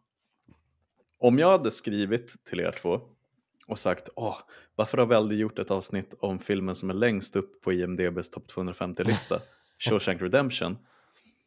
Och Levet hade sagt åh, det kan vi göra. Hade du då skrivit tillbaka, då måste jag se den innan avsnittet för jag har aldrig sett den. Eller Ja. hade du bara sagt åh, vilken bra idé. Nej, jag hade garanterat säga, ni, det är ju klart jag säger sanningen till er. Jag hade sagt så här, då måste jag se den innan. Det Mm. blir ett bra tillfälle. För jag har ju väntat på den perfekta helgen. Och då Ah, hade ju du ah. sagt, vi ska inte göra något avsnitt om det. Då kanske det är det vi ska göra. Ja. Någon gång i framtiden tar vi ett helt avsnitt om Shawshank Redemption så ger vi dig tillfället att se den. Det tycker jag låter bra. Jag, Jag- jag, jag fick jag det som en till läxa då. Jag kom för övrigt också att tänka på Seinfeld när vi pratade om den här listan. Ja, Eh, när vi var inne på Schindler's list. Eh, Kommer det. ni ihåg avsnittet? ja när Jerry... när Jerry, Jerry håller på att hångla med sin flickvän. Så Precis. alla blir förbannade på honom för att han inte respekterar Schindler's list. det, det är Newman som blir så arg. ja, just det. Gud, Seinfeld. Det är kul Ja. det. Mm. Men... eh. Jakob, jag måste också bara säga det att lika töntigt som det är att eh, vara lite musikelitist är det såklart att vara filmelitist. Så att jag håller inte emot det att du inte har sett Nyckeln till frihet. Jag ser det bara som världens lyx att ha den framför Det är sig. en lyx, och jag vet Mm. det. det, det och, alltså, och, om ni bara visste, det finns så mycket bra filmer som jag inte har sett. Åh, Istället sitter jag och kollar på liksom, tv-serien Willow och sådär, för det är vad jag orkar med. ni förstår. Ni förstår hur jag har det ibland. Men, Mm. Och jag eh, ska säga det, att jag gick ner till eh, på plats nummer 75, för vi kommer inte riktigt att behandla hela topp 250. Eh, på plats 75 så hittar vi eh, Joker, som vi alla var och såg på Mm, samma kväll på bio precis. eh, med Joaquin Phoenix. Mm. Eh, jag gick igenom topp 75 och, och räknade och såg att jag har inte sett 15 filmer på topp 75. Jaha. Och 14 av dem har Akira Kurosawa gjort. Ja, så, nej, precis. Jag blev, jag blev faktiskt överraskad. typ sett allt. Ja, jag blev Kurosawa faktiskt överraskad över eh, att det, det var så få filmer jag inte hade sett. Jag trodde att det skulle vara väldigt många faktiskt. Men eh, Ja. nej, jag, jag gick väl kanske bara igenom 150. Men eh, det var Ja. inte jättemånga filmer jag inte hade sett där faktiskt. Ja, just det. Mm. Jag blev inte förvånad för jag visste att det var många jag inte hade sett. Men eh, däremot just Akira Kurosawa har jag faktiskt sett väldigt många av. För att jag hade någon sån här Akira Kurosawa-period på i tonåren som man har, eller tidigt 20. Så då såg jag väldigt, väldigt många i- där i Umeå. När jag pluggade. Men eh, ja.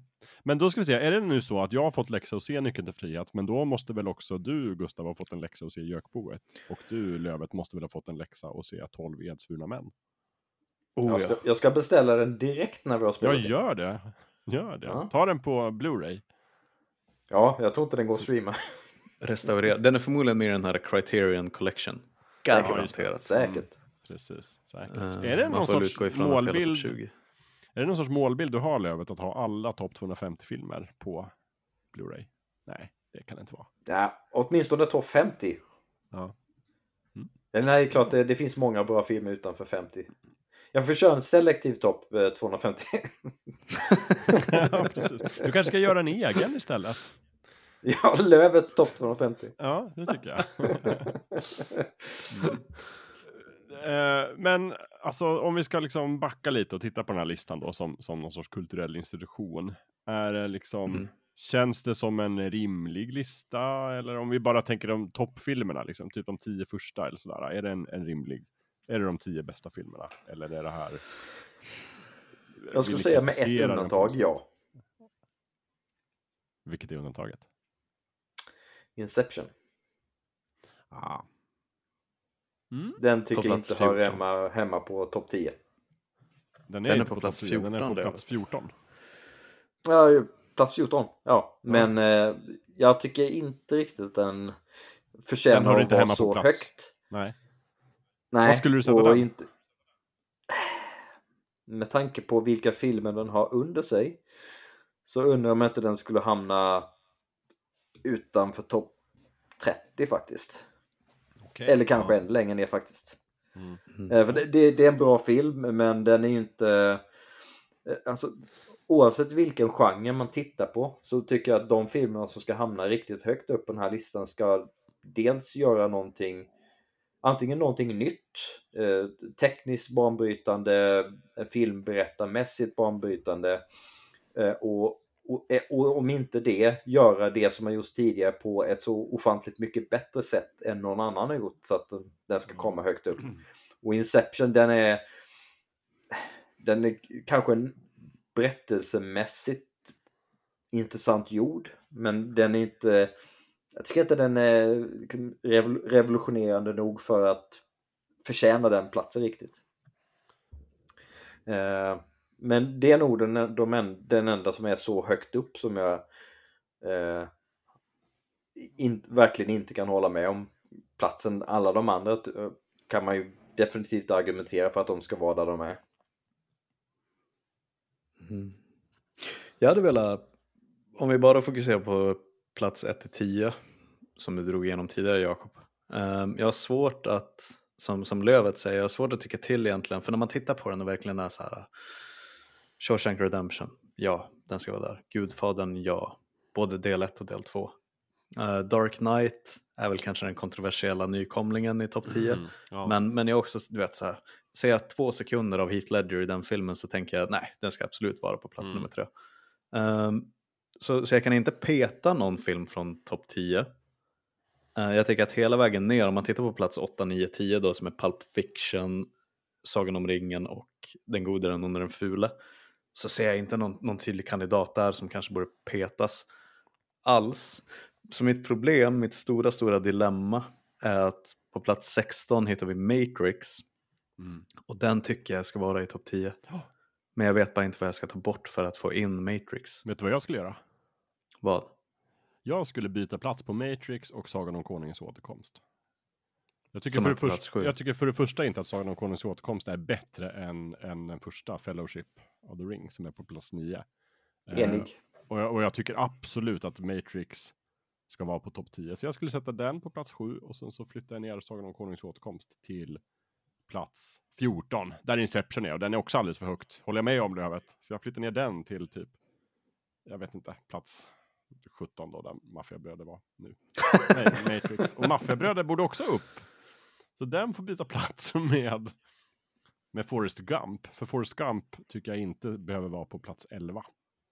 Nej, jag Goodfellas är mycket, mycket bättre. Så de kan byta plats. Då är jag ganska mm. nöjd. Med, nu vart jag topp 17 då istället. Men det är okej. Okay. Fast fan, jag undrar... Oh. Jag undrar om jag hade varit... Om vi bara hade bytt plats på Matrix på plats 16 och The Dark Knight på plats 3 så tycker jag nog att det hade sett bättre ut överlag. Om det är den, ändra, mm. den enda ändringen vi gör. Ja, precis. Om man får göra en, man får byta plats på två, eh, två filmer ja. med varandra. Då gör du så. Mm. Ja, jag, jag, alltså The Dark Knight, den är ju jätte, jättebra. Jag förstår varför den är hyllad, Heath Ledger, etc, etc. Men plats tre? Ovanför Gudfadern del två. Ja, den kan man ju tvista om. Um, men jag tycker att Dark Knight, den, dels är den ju fantastiskt välberättad, bra karaktärer, bra regi, allting eh, top notch. Men så den, den lyckas också förvandla något så ovanligt som en, en serietidningskaraktär till en supertight kriminal, kriminal, kriminalafilm i princip som den stora massan kan ta till sig och hylla unisont utan att ha något som helst intresse för Batman. Mm. Eller det liksom serietidningsuniversumet. Mm. Så det, det, är ju i sig, det, den gör ju någonting nytt där, vilket är en av kategorierna som jag tycker att gör att en film kan förtjäna en, en högre position mm. jämfört med andra filmer som också är jättebra men som inte kanske gör någonting nyskapande eh, i sin genre. Ska jag dra min korta, korta historielektion om varför The Dark Knight är på plats nummer Ja, gör det! Det passar mm. väl utmärkt just vid den här tidpunkten. Okej, sätt dig ner runt lägerelden. uh, listan vi tittar på nu är ju inte listan som den har sett ut sen IMDBs skapelse. en gång konstigt. i tiden, eller hur? eller hur? Det har ju till topplistor att de förändras mm. genom åren. Uh, innan 2008 när The Dark Knight släpptes så såg listan ut på följande sätt att Gudfadern var nummer ett. Och jag har också för mig att uh, Shawshank Redemption, Nyckeln till frihet, var på plats nummer två. Så jag tror att den var lite sandwichad mellan Gudfadern del 1 och del 2. Mm. Sen är jag osäker på hur det såg ut. Jag tror att Den gode, den onde, den fula var högre upp i listan förut. Ehm, och så sen så har vi då, du vet, i början på 2000-talet så kommer ju Sagan om ringen 2001, 2002, 2003. Um, men åtminstone där i ett årtionde fram till 2008 så var Gudfadern de facto nummer ett bästa film genom tiderna. Gustav upptäcker IMDB, tänker jag måste se den här filmen. Spola fram till 2008, eh, The Dark Knight släpps och det är svårt att minnas det nu. Jag, gick, jag var i mitten av min högstadieresa när The Dark Knight släpptes, vilket förbannat fenomen den filmen blev, typ över en natt. Mm. Eh, Batman Begins hade släppts ett par år tidigare, jättestor succé. Eh, Christopher Nolan som på den tiden var känd för typ vadå, The Prestige och Memento gjorde Batman. Uh, Christian Bale var Batman, den var bra. Um, The Dark Knight kommer och typ på en vecka så är det allting folk pratar om. Um, jag tror att på den tiden var den filmen som snabbast tjänade en miljard dollar på box office. Oj. Instant success. Och folk var helt till sig över att en superhjältefilm inom citationstecken för att det är väldigt mycket bara en du vet, kriminalthriller. Mm. Um, blev otroligt populär. Um, det här är innan superhjältefilmer blir vad det är idag. Jag tror typ att Iron Man släpptes bara ett par månader innan The Dark Knight Mm. 2008. Men, men då var ju inte MCU en grej. Iron Man var ju bara en one-off med. John Favreau och Ja. Um, så The Dark Knight släpps 2008, skjuter direkt upp i toppen på IMDB. Och folk i alla läger får panik. Um, för att det är en lista som annars är, mm, du vet, exklusiv för gamla klassiker, odödliga klassiker. Um, folk som är, du vet, serietidningsnördar och uh, Batman-fantaster får ju guldfeber. För att de säger att vi kan sätta den här på toppen av IMDBs 250-lista. Ja. Uh, Gudfadern-fansen får panik, blir förbannade. Så det uppstår ett krig, ett, ga ett gammaldags internetforumkrig mellan ena lägret Gudfadern-fans och i andra lägret eh, The Dark Knight, Batman slash serietidning superhjältefans. Mm. Så det som händer är att de börjar det engelska begreppet review bombing Mm. när man medvetet ger ett verk 1 av 10 eller 0 av 10 av illvilja. Eh, Så, så folk börjar review-bomba de- den andra sidan. Eh, Och så sen så studsar de där fram och tillbaka mellan att vara Gudfadern på plats 1 och The Dark Knight på plats 1. Så det så det är ett bittert infekterat krig och det går knappt att använda forumet på IMDB under den här tiden för att man kan inte uttrycka sin åsikt om någon av filmerna utan att man dras in i den här mm, infernot. Oj då, man måste välja sida då liksom. Man måste välja sida helt enkelt.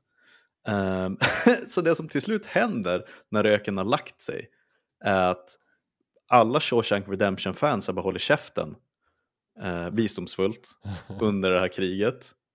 Eh, så, så när röken har lagt sig så har Shawshank Redemption hamnat på plats nummer ett på IMDB. Och där har den filmen stannat sedan 2008. Det är ju faktiskt väldigt roligt.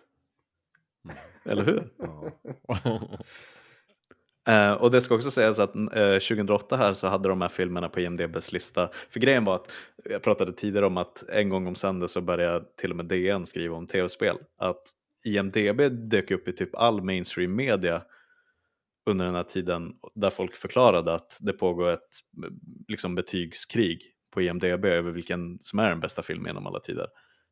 Um, vilket gjorde att en massa folk strömmade till IMDB, skapade konton för att rösta på sin favorit. Mm.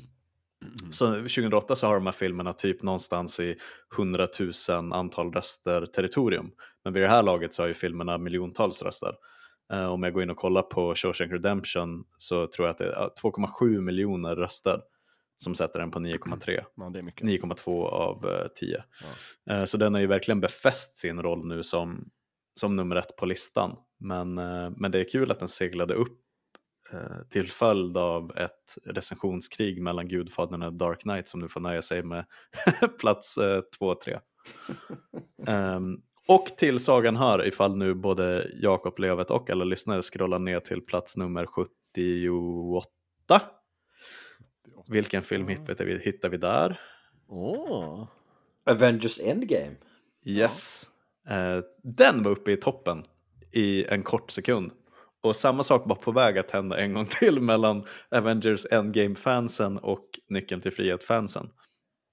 Men det var en ganska kort historia och nu är den som sagt nere på plats 78. Det som hände till följd av Dark Knight slash Gudfadern-fighten var att IMDB ändrade lite på betygssättningen så att eh, de har ett viktat system nu. Eh, för att undvika den här typen av recensionsbombande två titlar emellan. Så det är lite svårare nu än vad det var förr i tiden att rucka på den här 250-listan. Mm, ja. Eh, exemplifierat av då Avengers Endgame som av popularitet och eh, du vet, så här, popkulturfaktor hade kunnat befästa sin plats i topp 5 kanske. Men, eh, men gör inte det. Så ja, det, det är en annan lista nu än vad den var en gång i tiden. Och Nyckeln till frihet skulle- seglade lite fram. Jag skulle ändå säga att Avengers Endgame ska vara nöjd med den positionen. Det är väl jättelämpligt och mm, det är ingen dålig position. Avengers Infinity War, som är den bättre filmen, den ligger ju på plats nummer 63. Mm. Det, men individuellt mellan de två, det tycker jag är helt rätt. Infinity Ja. War ska vara mer än 10 placeringar före. Ja, jag med. Tycker jag Ja. definitivt. Men gud vad intressant. Eh. Där ser man ju hur eh, att det inte är. Det här är alltså inte stentavlor från berget Sinai. Ja, åtminstone stentavlor med mycket blod på. För att folk ska skalla varandra in i dem och Precis, ja, ja, ja. ja. Mm. Mycket intressant. slagits om dem. Men Ja. ja, men ja så det är därför topp tre ser ut som den gör Mm. idag. Spännande. Vet ni vilken film som ligger sist då, på nummer 250? Åh, jag kollar här Ett alldeles betyg, nyss, jag ska inte scrolla betyg, ner. ett betyg på 8,0 baserat på 269 521 user ratings. Dances with 1900 Wolves tror jag att det är. Jajamän! Dansa med vargar 1990 med Kevin Costner. En bra film. Mm. Förtjänar den 250? Vill du ha upp den eller ner den? Nej, men jag vill ha upp den lite faktiskt. Om man tittar bara lite, lite upp här så ligger ju liksom, eh, vad ska jag säga, vad ska jag ta ner? Ah, det är ju väldigt bra. Ta Endgame. Vill du ha den över Endgame? Nah, det var så länge sedan jag såg Dansa med vargar. Jag vågar inte säga det. Vi har ju tänkt att vi ska ha lite så här Kevin Costner-maraton under året. Mm. Så vi kanske ska ta, vi ska kolla på lite Kevin Costner-filmer. Då kommer ju Dansa med vargar dyka upp. Men jag skulle faktiskt, bara för att göra det lätt för mig, så skulle jag plocka ner Järnjätten från 1999. Den skulle nog ligga på 250 istället. Så får Dansa med vargar ligga på 245. Alltså Järnjätten är en jättebra film, men den är ju inte bättre än Dansa med vargar. Eller? Är det så här man håller på när man börjar bläddra i? Jag, jag får flashbacks från min, eh, min gymnasietid. Nej, Mitt i Kurosawa-perioden. Ja, Tycker precis, du verkligen bara, att ska det verkligen eh, vara så här? Akira. Ja. Nej, vad heter den? Harakiri? Det är väl den som är typ högst upp. Förutom då Seven Samurai. Fan, när vi ändå är nere i botten och, och gräver där på 240 till 250. Borde inte plats 244 Life of Brian, Monty Python, vara någonstans i topp 30 territorium? Jo, det tycker jag. För att den här uh, Monty Python and the Holy Grail, som är en väldigt rolig film, det är ju inte en bättre film än, än Life of Brian. Life of Brian är ju den bättre filmen. Ja. Mm. Jo, det håller jag med om. Det är ju, eh, Holy Grail är det, den har ju många klassiska humorögonblick. Men Life of Brian är ju genuint rolig och bra film. Ja, för det, Monty Python, vet ni vad Monty Python and the Quest for the Holy Grail heter på svenska? Nej. Monty Pythons galna värld. Det är helt sjukt. det är om- omöjligt att hitta den. Ja, den ligger i alla fall på 147. Plats 147. Ja, det, det, den förtjänar att vara högre upp. Det är det, okej men förlåt, det här är det jag tycker om med topp 250-listan. Det är så bisarrt att Monty Pythons galna värld, Holy Grail nu, Ja, ja, ja. Ligger en plats över Spider-Man No Way Home med, från 2021. Mm. Men här Det är så knäppt att se de så. två Mm. filmerna bredvid varandra. Och så sen två platser ner, ser helt sinnessjukt, så ligger No Country for Old Men. Ja, Som inte har någonting att göra två platser bakom varken Monty Python eller Spider-Man No Way Home. nej, alltså jag skulle ju Nej. själv, om det var min lista så skulle jag ju lägga No Country for Old Men på någonstans på topp 20. Ja, Ja. Topp 30 i alla fall. fan är det för fel på den här listan? Ja, det är Nu börjar kolla i detalj. Att den är genererad av människor på internet kanske. Det är väl det som är fel med den. Ja, men det, det är ju som eh, eh, år 2001, ett rymdäventyr, är väl plats typ 91 tror jag.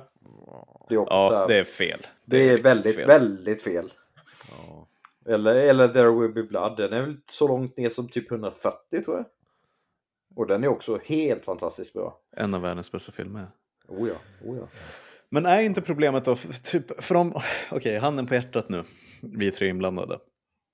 Om man då hade gått från botten och, och, och kollat liksom då, om, om någonstans med magen sagt att Jakob säger att Dansen med vargar, ja men den har uppe i topp 30.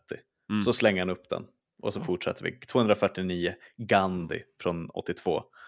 Var är den hemma? Och så gör man så hela vägen upp. När, när träffar man sin första film som man slängde upp och så, så inser man att fan det finns ingen plats där uppe. Det är för många men- filmer som... Ja. ja, men det blir ju svårt, men man får ju göra så här. Liksom, du får ju, man får ju göra precis så. Och sen när man träffar någon som har sagt upp då, och så, och så tänker man så här, men Dansen vargar, jag ska inte vara över den. Då får den stanna där. Och sen får man ta Mm. nästa film som är i botten och så. Men sen blir problemet också att det finns ju förmodligen filmer man tycker bör vara på 250-listan som inte är här. Ja, till och med det. Ja, men sen tror jag också att det, det kommer, man kommer till en punkt där man inser att okej, den här filmen är så pass bra att den borde vara eh, inom topp 50 i sig. Ja. Men den här filmen är för mig viktigare och bättre så att jag, jag puttar ut den andra filmen som, som kanske förtjänar eh, att vara här. Mm. Det är som, jag tror Hajen är på plats 204 eller någonting. Mm, ja. Och jag hade ju personligen skjutsat upp den ganska högt. Men jag kan ju förstå att en, en allmän filmpublik kanske inte riktigt håller en monsterfilm av det slaget lika, lika högt som någon sån här eh, fin i kanten eh, finkulturell eh, produktion. Men, Men, men, för, men för mig skulle den vara uppe. Du sätter ju verkligen huvudet på spiken där. För att eh, sättet som jag tycker att man bör angripa i slutändan den här eh, listan, 250-listan på, är Mm. att tänka, okej, plats 204, Hajen från 1975. Den, den är min topp 5. Men, om jag är ärlig med mig själv, tror jag att det finns 203 filmer som den breda massan håller högre än Hajen. Förmodligen. Ja, Och så sen kan man inte, då, då får man inte titta i detalj och säga att typ draktränaren är på plats 201. För då kanske man eh, blir lite vrång. Men, men om man bara tänker, finns det 200 filmer som är mer gångbara för den breda massan som folk tänker, fan vad jag tyckte om Monsters Inc. Fan vad jag tyckte om Mad Max Fury Road. Ja, kanske det. Men det finns ju också exempel på filmer som kanske hamnar lite längre ner för, för vilken genre de är i. Och Mm. inte för deras kvalitet. Som till exempel Alien. Den tror jag är på plats 51 eller något sånt där. Däromkring. Eh, och och det, det är ju liksom en, en sci-fi skräckis. Och jag tror att den, den hamnar nog ett par pinnhål ner bara för att det är just den genren. För den är också otroligt bra gjord på alla sätt och vis. Eh, liksom regi, eh, det liksom tekniska framkanten den låg i när den kom. Berättande, karaktär, eh, relationer. En stark kvinnlig karaktär som, som inte var normen på den tiden. Den har ju så mycket som talar för den. Och den är på plats 51. D- Och där, där är det ju inte mina personliga preferenser. Ja, det, delvis är det ju mina personliga preferenser men där finns det ju faktiskt påtagliga kvaliteter som borde motivera den till att vara högre. Men med Hajen, där, där inser jag att där är det ju mina personliga preferenser som, som skulle skjutsa upp den. Kanske inte filmens kvalitet för den, den, den breda publiken. Men, men Alien har ju alla de där kvaliteterna. Om man kan bortse från vilken kategori den, vilken genre den, den utspelar sig i. Jakob, vad är livet jobbigt för dig? Ja, det går bra. Scrolla, scrolla till plats nummer 100. Min fråga är, Mm. på en väldigt estetisk plats nummer 100 så hittar vi Top Gun Maverick Just det, 2022. 8,2. 2022. Mm. 8,2, otroligt bra betyg. Den är på platsen före Amelie från Montmartre. Just Tycker det. du att den är, inbördes är rimlig? Alltså, jag tycker ju inte att det är inbördes rimligt. Jag skulle ju faktiskt säga att Amelie är förtjänar att ligga mycket högre än 101. Men det blir, jag förstår att är många filmer vi säger att de förtjänar att ligga mycket högre. Så det blir väldigt svårt så här med inbördes. Men jag skulle flytta den ovanför Top Gun Maverick i alla fall. Men grejen är att jag tror ju att det finns något sorts så här freshness-faktor i det här också. Alltså Top Gun Maverick kommer nog ramla ner lite om ett, två, tre år. Tror ni inte det? Mm. Den är nyhetens Lövet, behag du vet- och så vidare. Du vet att Inception låg på plats nummer ett ett tag? Jag är inte förvånad. Eh, Det är Nolan-effekten tror jag. Typ samma Eh. dag som den kom. Ja, men det var ju också otroligt omtalad när den släpptes. Så jag är inte jätteförvånad över det. Mm. Alltså jag hatar ju inte Inception alls, som Lövet verkar göra. Så att jag tycker att den, den ligger bra. I, jag liksom- hatar inte den.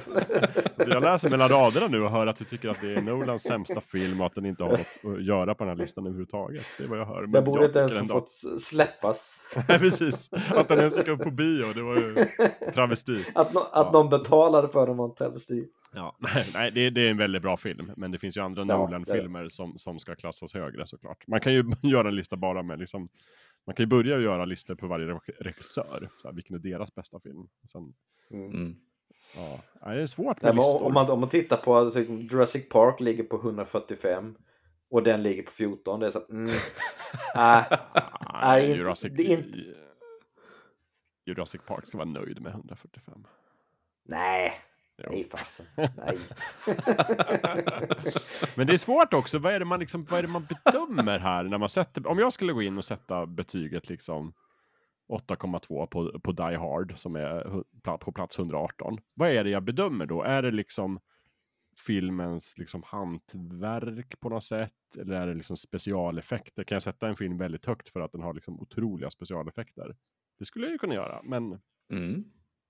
Ja, för mig är det nog en, en, en kompott av allting. Bra musik, bra specialeffekter, teknisk, att ligga i teknikens framkant, eh, eh, skådespeleri, ja, liksom alla komponenterna mm. behövs ju för att göra en klassiker. Och hur, hur, hur, hur långt fram de ligger på alla de här punkterna avgör Mm. lite hur, hur, hur mycket av en, en liksom vägledande roll den här filmen kommer ha i, i Mm. det, det stora hela. Och där tycker jag att Jurassic Park, när den kom och fortfarande ja, liksom har varit stilbildande på ett sätt som jag inte riktigt tycker Inception är.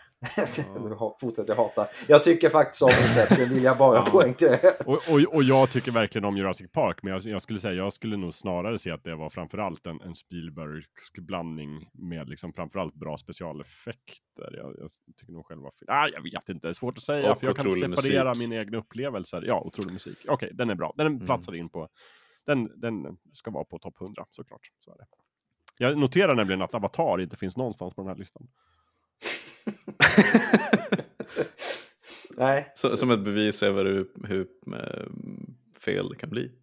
Ja, nej men jag menar den kanske inte ska vara där, men jag menar bara att så här, den har ju ändå kanske de bästa specialeffekterna som har gjorts Mm, mm. på ett sätt. Mm, och, men det- och då men det är just räcker det de uppenbarligen där- inte med det. Mm.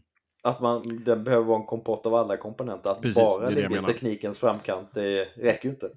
Eh, exakt. Men, eh, men eh, Jakob, bara för att spinna vidare på, på din fråga egentligen. På plats 68 och 69. De två placeringarna på listan tycker jag sammanfattar väldigt bra också. För att på plats 68 av 250 hittar vi Dr. Mm. Strangelove. Mm. Ja, film. odödlig Kubrick-klassiker Mm. från 60-talet. Och på plats 69 precis efter hittar vi The Dark Knight Rises. Ja. Alltså uppföljaren då till The Dark Knight. Mm. Vilket jävla tapp för Nolan från, från plats från plats 3 till 69. Ja. Men han har ju Inception Ehm. också där på plats 14. Däremellan ska också sägas. Ja, ja. Ehm, men, men ta de här två till exempel. Dr. Strangelove släpptes ju många, många årtionden innan, innan IMDB var en grej. Ja. Så det är en av de här Jo. filmerna som redan har funnits, fått odödlig klassikerstatus innan folk börjar rösta på om det är en bra film eller inte. Hamnar på 8,3. Plats 68. Ja. Kanske borde vara högre, kanske borde vara lägre. Men, men, det, men det är ju liksom med fast i hand så röstar Mm. folk på Doctor Strangelove. The Mm. Dark Knight Rises från 2012, uppföljare till en av världens mest hyllade filmer. Mm. Själv tycker jag att den är på 8,3. Den borde Mm. ha 7,6. Den, den, Mm, och då ja, halkar den ut med ganska Mm. god marginal från hela jävla listan. Den är Ja. bara på plats 69 för att det var en stor popkulturell händelse. Eh, Du vet, de lärare tvistade ifall det var en bra film, en dålig film, fantastisk film eller någonting annat. Ehm, så den, här rider ju för mig verkligen bara på The Dark Knight och Batman Begins-faktorn. Fan, Mm. scrolla lite längre ner så hittar ni Batman Begins ja, den ligger under. eh, ligger under liksom. Och Ja. för mig är det helt bisarrt i ett isolerat case. Varför är The Dark Knight Rises före Batman Begins? Jo, för att den släpptes helt enkelt efter att Dark Knight hade kommit Jo, men Ehm, absolut. och blir uppröstad till 8,3. Så jag, jag tycker inte att den har någonting att göra på den här listan. Men, men där är den bredvid Dr. Strangelove, Mm. American Beauty, Oldboy och Amadeus liksom. Ja, det är- Jag undrar om inte det också är ett eh, resultat av att, att den hamnar på så långt ner jämfört med Dark Knight. Det är ju för att det är en väldigt svår film att följa efter. Mm. Jag tycker att Dark Knight Rises är väldigt bra. Men släpp, släpp, följer du upp Dark, The Dark Knight mm, det, det, det är svårt att få eh, lika höga betyg även, om ens du är förtjänade Mm. efter ett sånt släpp. vet inte. Alltså jag går ju igenom listan och jag hittar ju, jag hittar ju filmer liksom jag skulle absolut kunna plocka bort från listan utan problem. Även om jag Mm. tycker om dem och sen hittar jag ju några filmer som jag inte tycker om som jag bara är så här, det är helt otroligt att folk kan tycka så fel. Att de gör liksom. ja, nej, ja, ja, det, man får ju tycka vad man vill, men jag skulle inte ha satt liksom Vi får Vendetta på plats 158 med betyget 8,1. Jag tycker att Jag Vi får Vendetta... på- Ja, du hade satt den på... Nej, nej, jag, jag, jag vill... Högre, mycket, mycket högre. Jaha, jag hade satt den filmen med betyget liksom 6,9. Då Va? hade den åkt ut listan. Den är inte bra. Jo då. Nej, jag tycker inte om Otrolig den. film. Jag har läst serien. Jag tycker serien är bra. Jag tycker det är en dålig adaptation. Och en eh, medelmåttig film. Ha! Det var det jag sagt. Och jag har inte sagt Puss och kram! Just det. Puss och kram. Tack för idag. Don't at me. Precis. Nej, nej, jag vet inte. Det var ju länge sedan jag såg den också. Jag minns bara att jag tyckte att men det här var ju inte lika bra som serieboken. Eh, men vänta, Där håller väl också om- Moore med va? Om att det är en dålig- att Film, film är inte bättre än serien överlag. Film med På tal, om är gri- med. på tal om griniga gubbar som jag varit inne på tidigare. Ja, Ja. precis. Nej, nej, men han, eh, jag, jag förstår honom lite, men också så här, det är klart att han inte gillar den. Det roligaste tycker jag är, vad heter den? Äh, Watchmen är inte med på den här listan, ska jag säga. Det, tackar fan för det. Men eh, vad heter han som gjorde Watchmen? Zack Snyder. Filmen. Mm. Zack Snyder, just det. Han sa ju i någon intervju någon gång så här att ja, jag vill ju bara göra en film som Alan Moore skulle gilla. Så här, och sen så bara säger intervju, han som intervjuar, han bara, men du vet att Alan Moore hatar att ni har gjort en film på Watchmen och att han inte vill ha sitt namn på produktionen. Och han bara, ja, ja. Det värsta som kan hända, säger han, det värsta som kan hända är att Alan Moore någon dag är i London på något hotell och så har han inget att göra och så bara slänger han in Watchmen-DVDn i tvn och tittar. Kolla på den. Ja. Och så frågade de om en intervju med Alan Moore, så här, bara, vet du Zack Snyder säger det här? Ja, och Alan Moore bara, ja, okej. Det, om det är det värsta han tycker kan hända, så absolut. Ja, gud. Eh, Han ogillar väl tv-serien också? Ja, vet jag, tror, jag, vet inte om han, jag vet inte vad han har sagt, men jag kan inte tänka mig att han tycker om den. Jag jag har för mig att jag läste någon artikel om att han, äh, han Ja, hade inte ja. mycket, För, mycket förmodligen övers för inte. det. Ja, nej, det kan jag tänka mig. Jag tror inte det finns någonting som har filmats som han har skrivit som han har något till övers för. Faktiskt. Nej. Så eh, nej. Eh, jag tyckte däremot att tv-serien Watchmen var väldigt bra. Otroligt bra. Mm. Otroligt bra. Finns på HBO för alla som lyssnar. Tv-serien Watchmen, man behöver Mm. inte kunna källmaterialet eller Nej. hört talas om Watchmen. Fantastisk är det. Men man bör läsa serieboken Watchmen för att den är jätte, jättebra. Eh, Annars kommer Alan Moore att komma med en kägla och klubban i huvudet. Förmodligen. mm. eh, vad kul! Jag tror att vi eh, lite grann ska avrunda här, för vi har försökt hålla de här avsnitten lite korta, vardagsavsnitten som vi kallar dem. Ehm, Mm. Är det något sista klokt ord ni vill säga om IMDB topp 250 eller fulkultur i övrigt? Så säg det nu, eller forever hold your peace. Mm, jag kan börja med att säga att om man lyssnar på den här podden och vet själv att man hamnar i det där läget när man har en kväll öppen, man vill titta på en film men man har ingen inspiration, man har inte liksom någonting nytt på Netflix att se.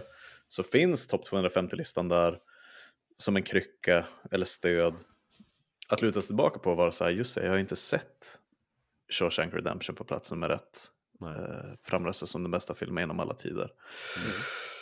Så jag kanske borde se den för att den är på plats nummer ett. Och så kan man bara gå neråt eh, tills man hittar någonting som säger, ja men just ja, fan.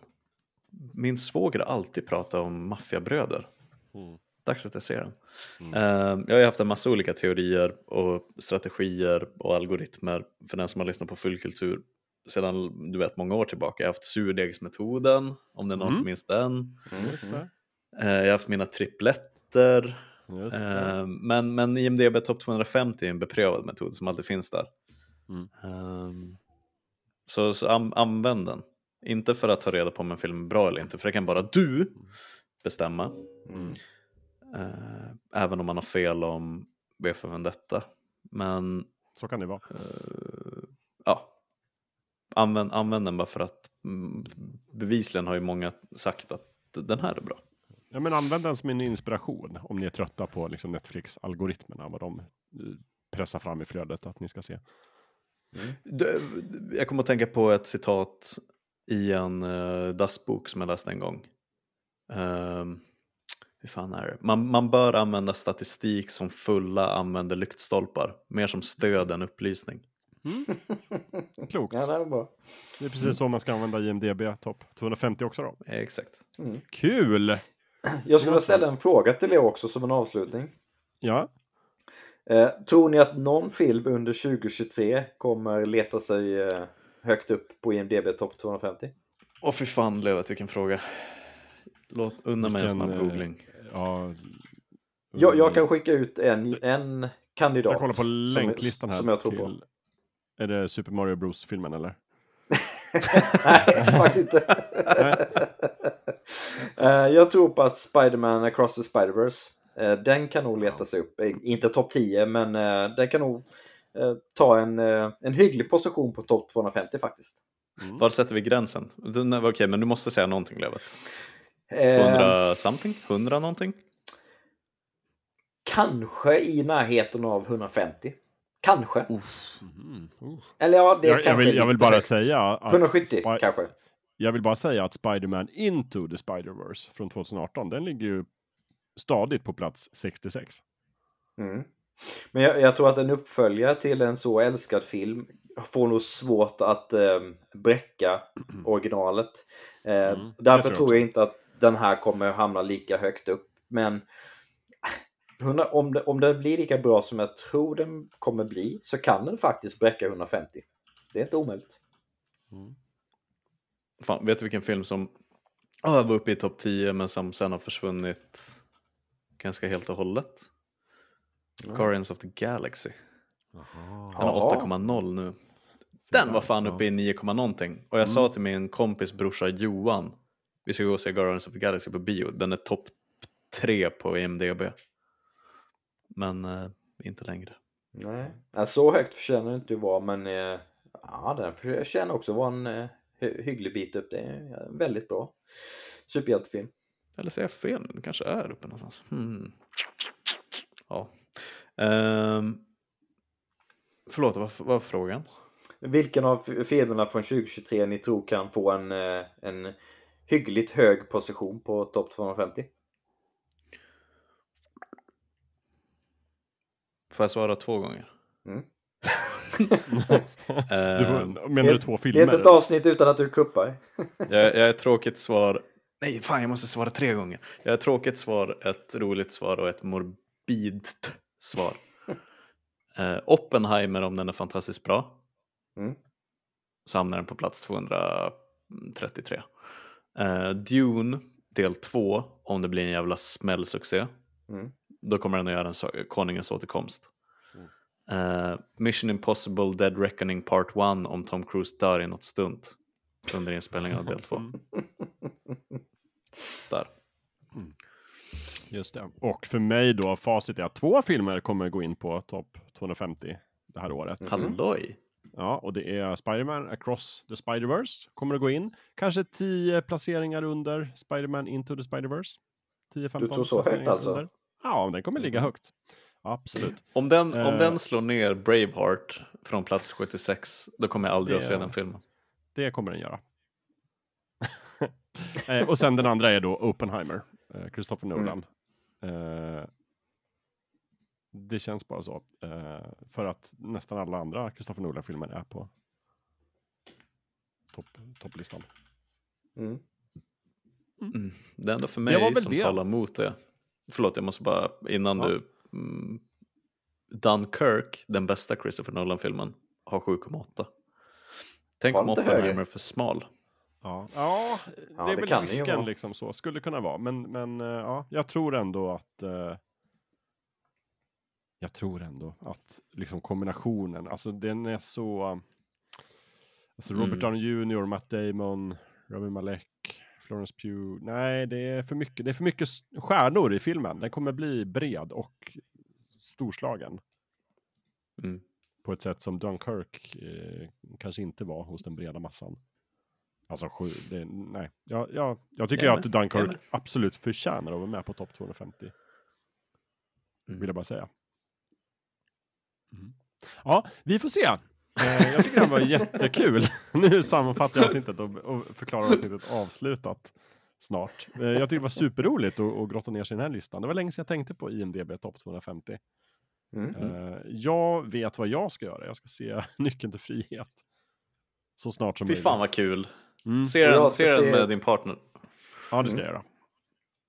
Och du Hon ska se. Lövet, du ska se, nej, ja det har hon sagt. Jo det har tror jag hon har gjort. Hon har nog sett den hundra gånger. Mm.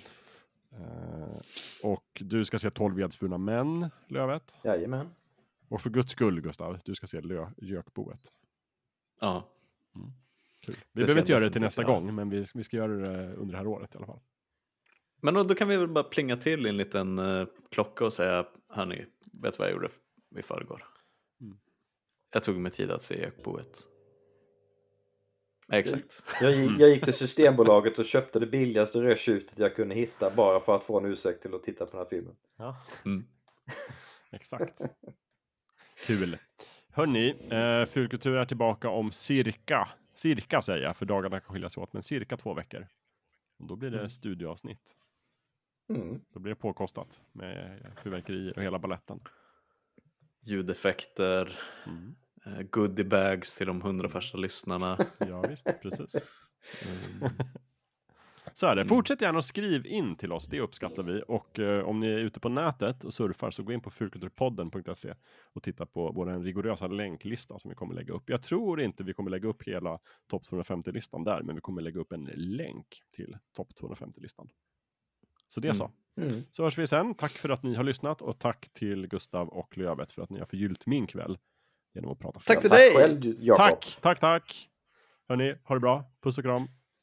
Puss och Puss och kram!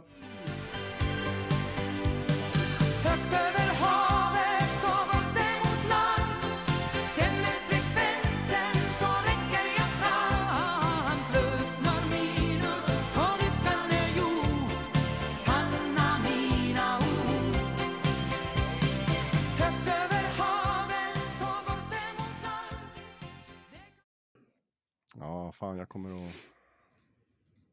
Nej, vi tar det sen.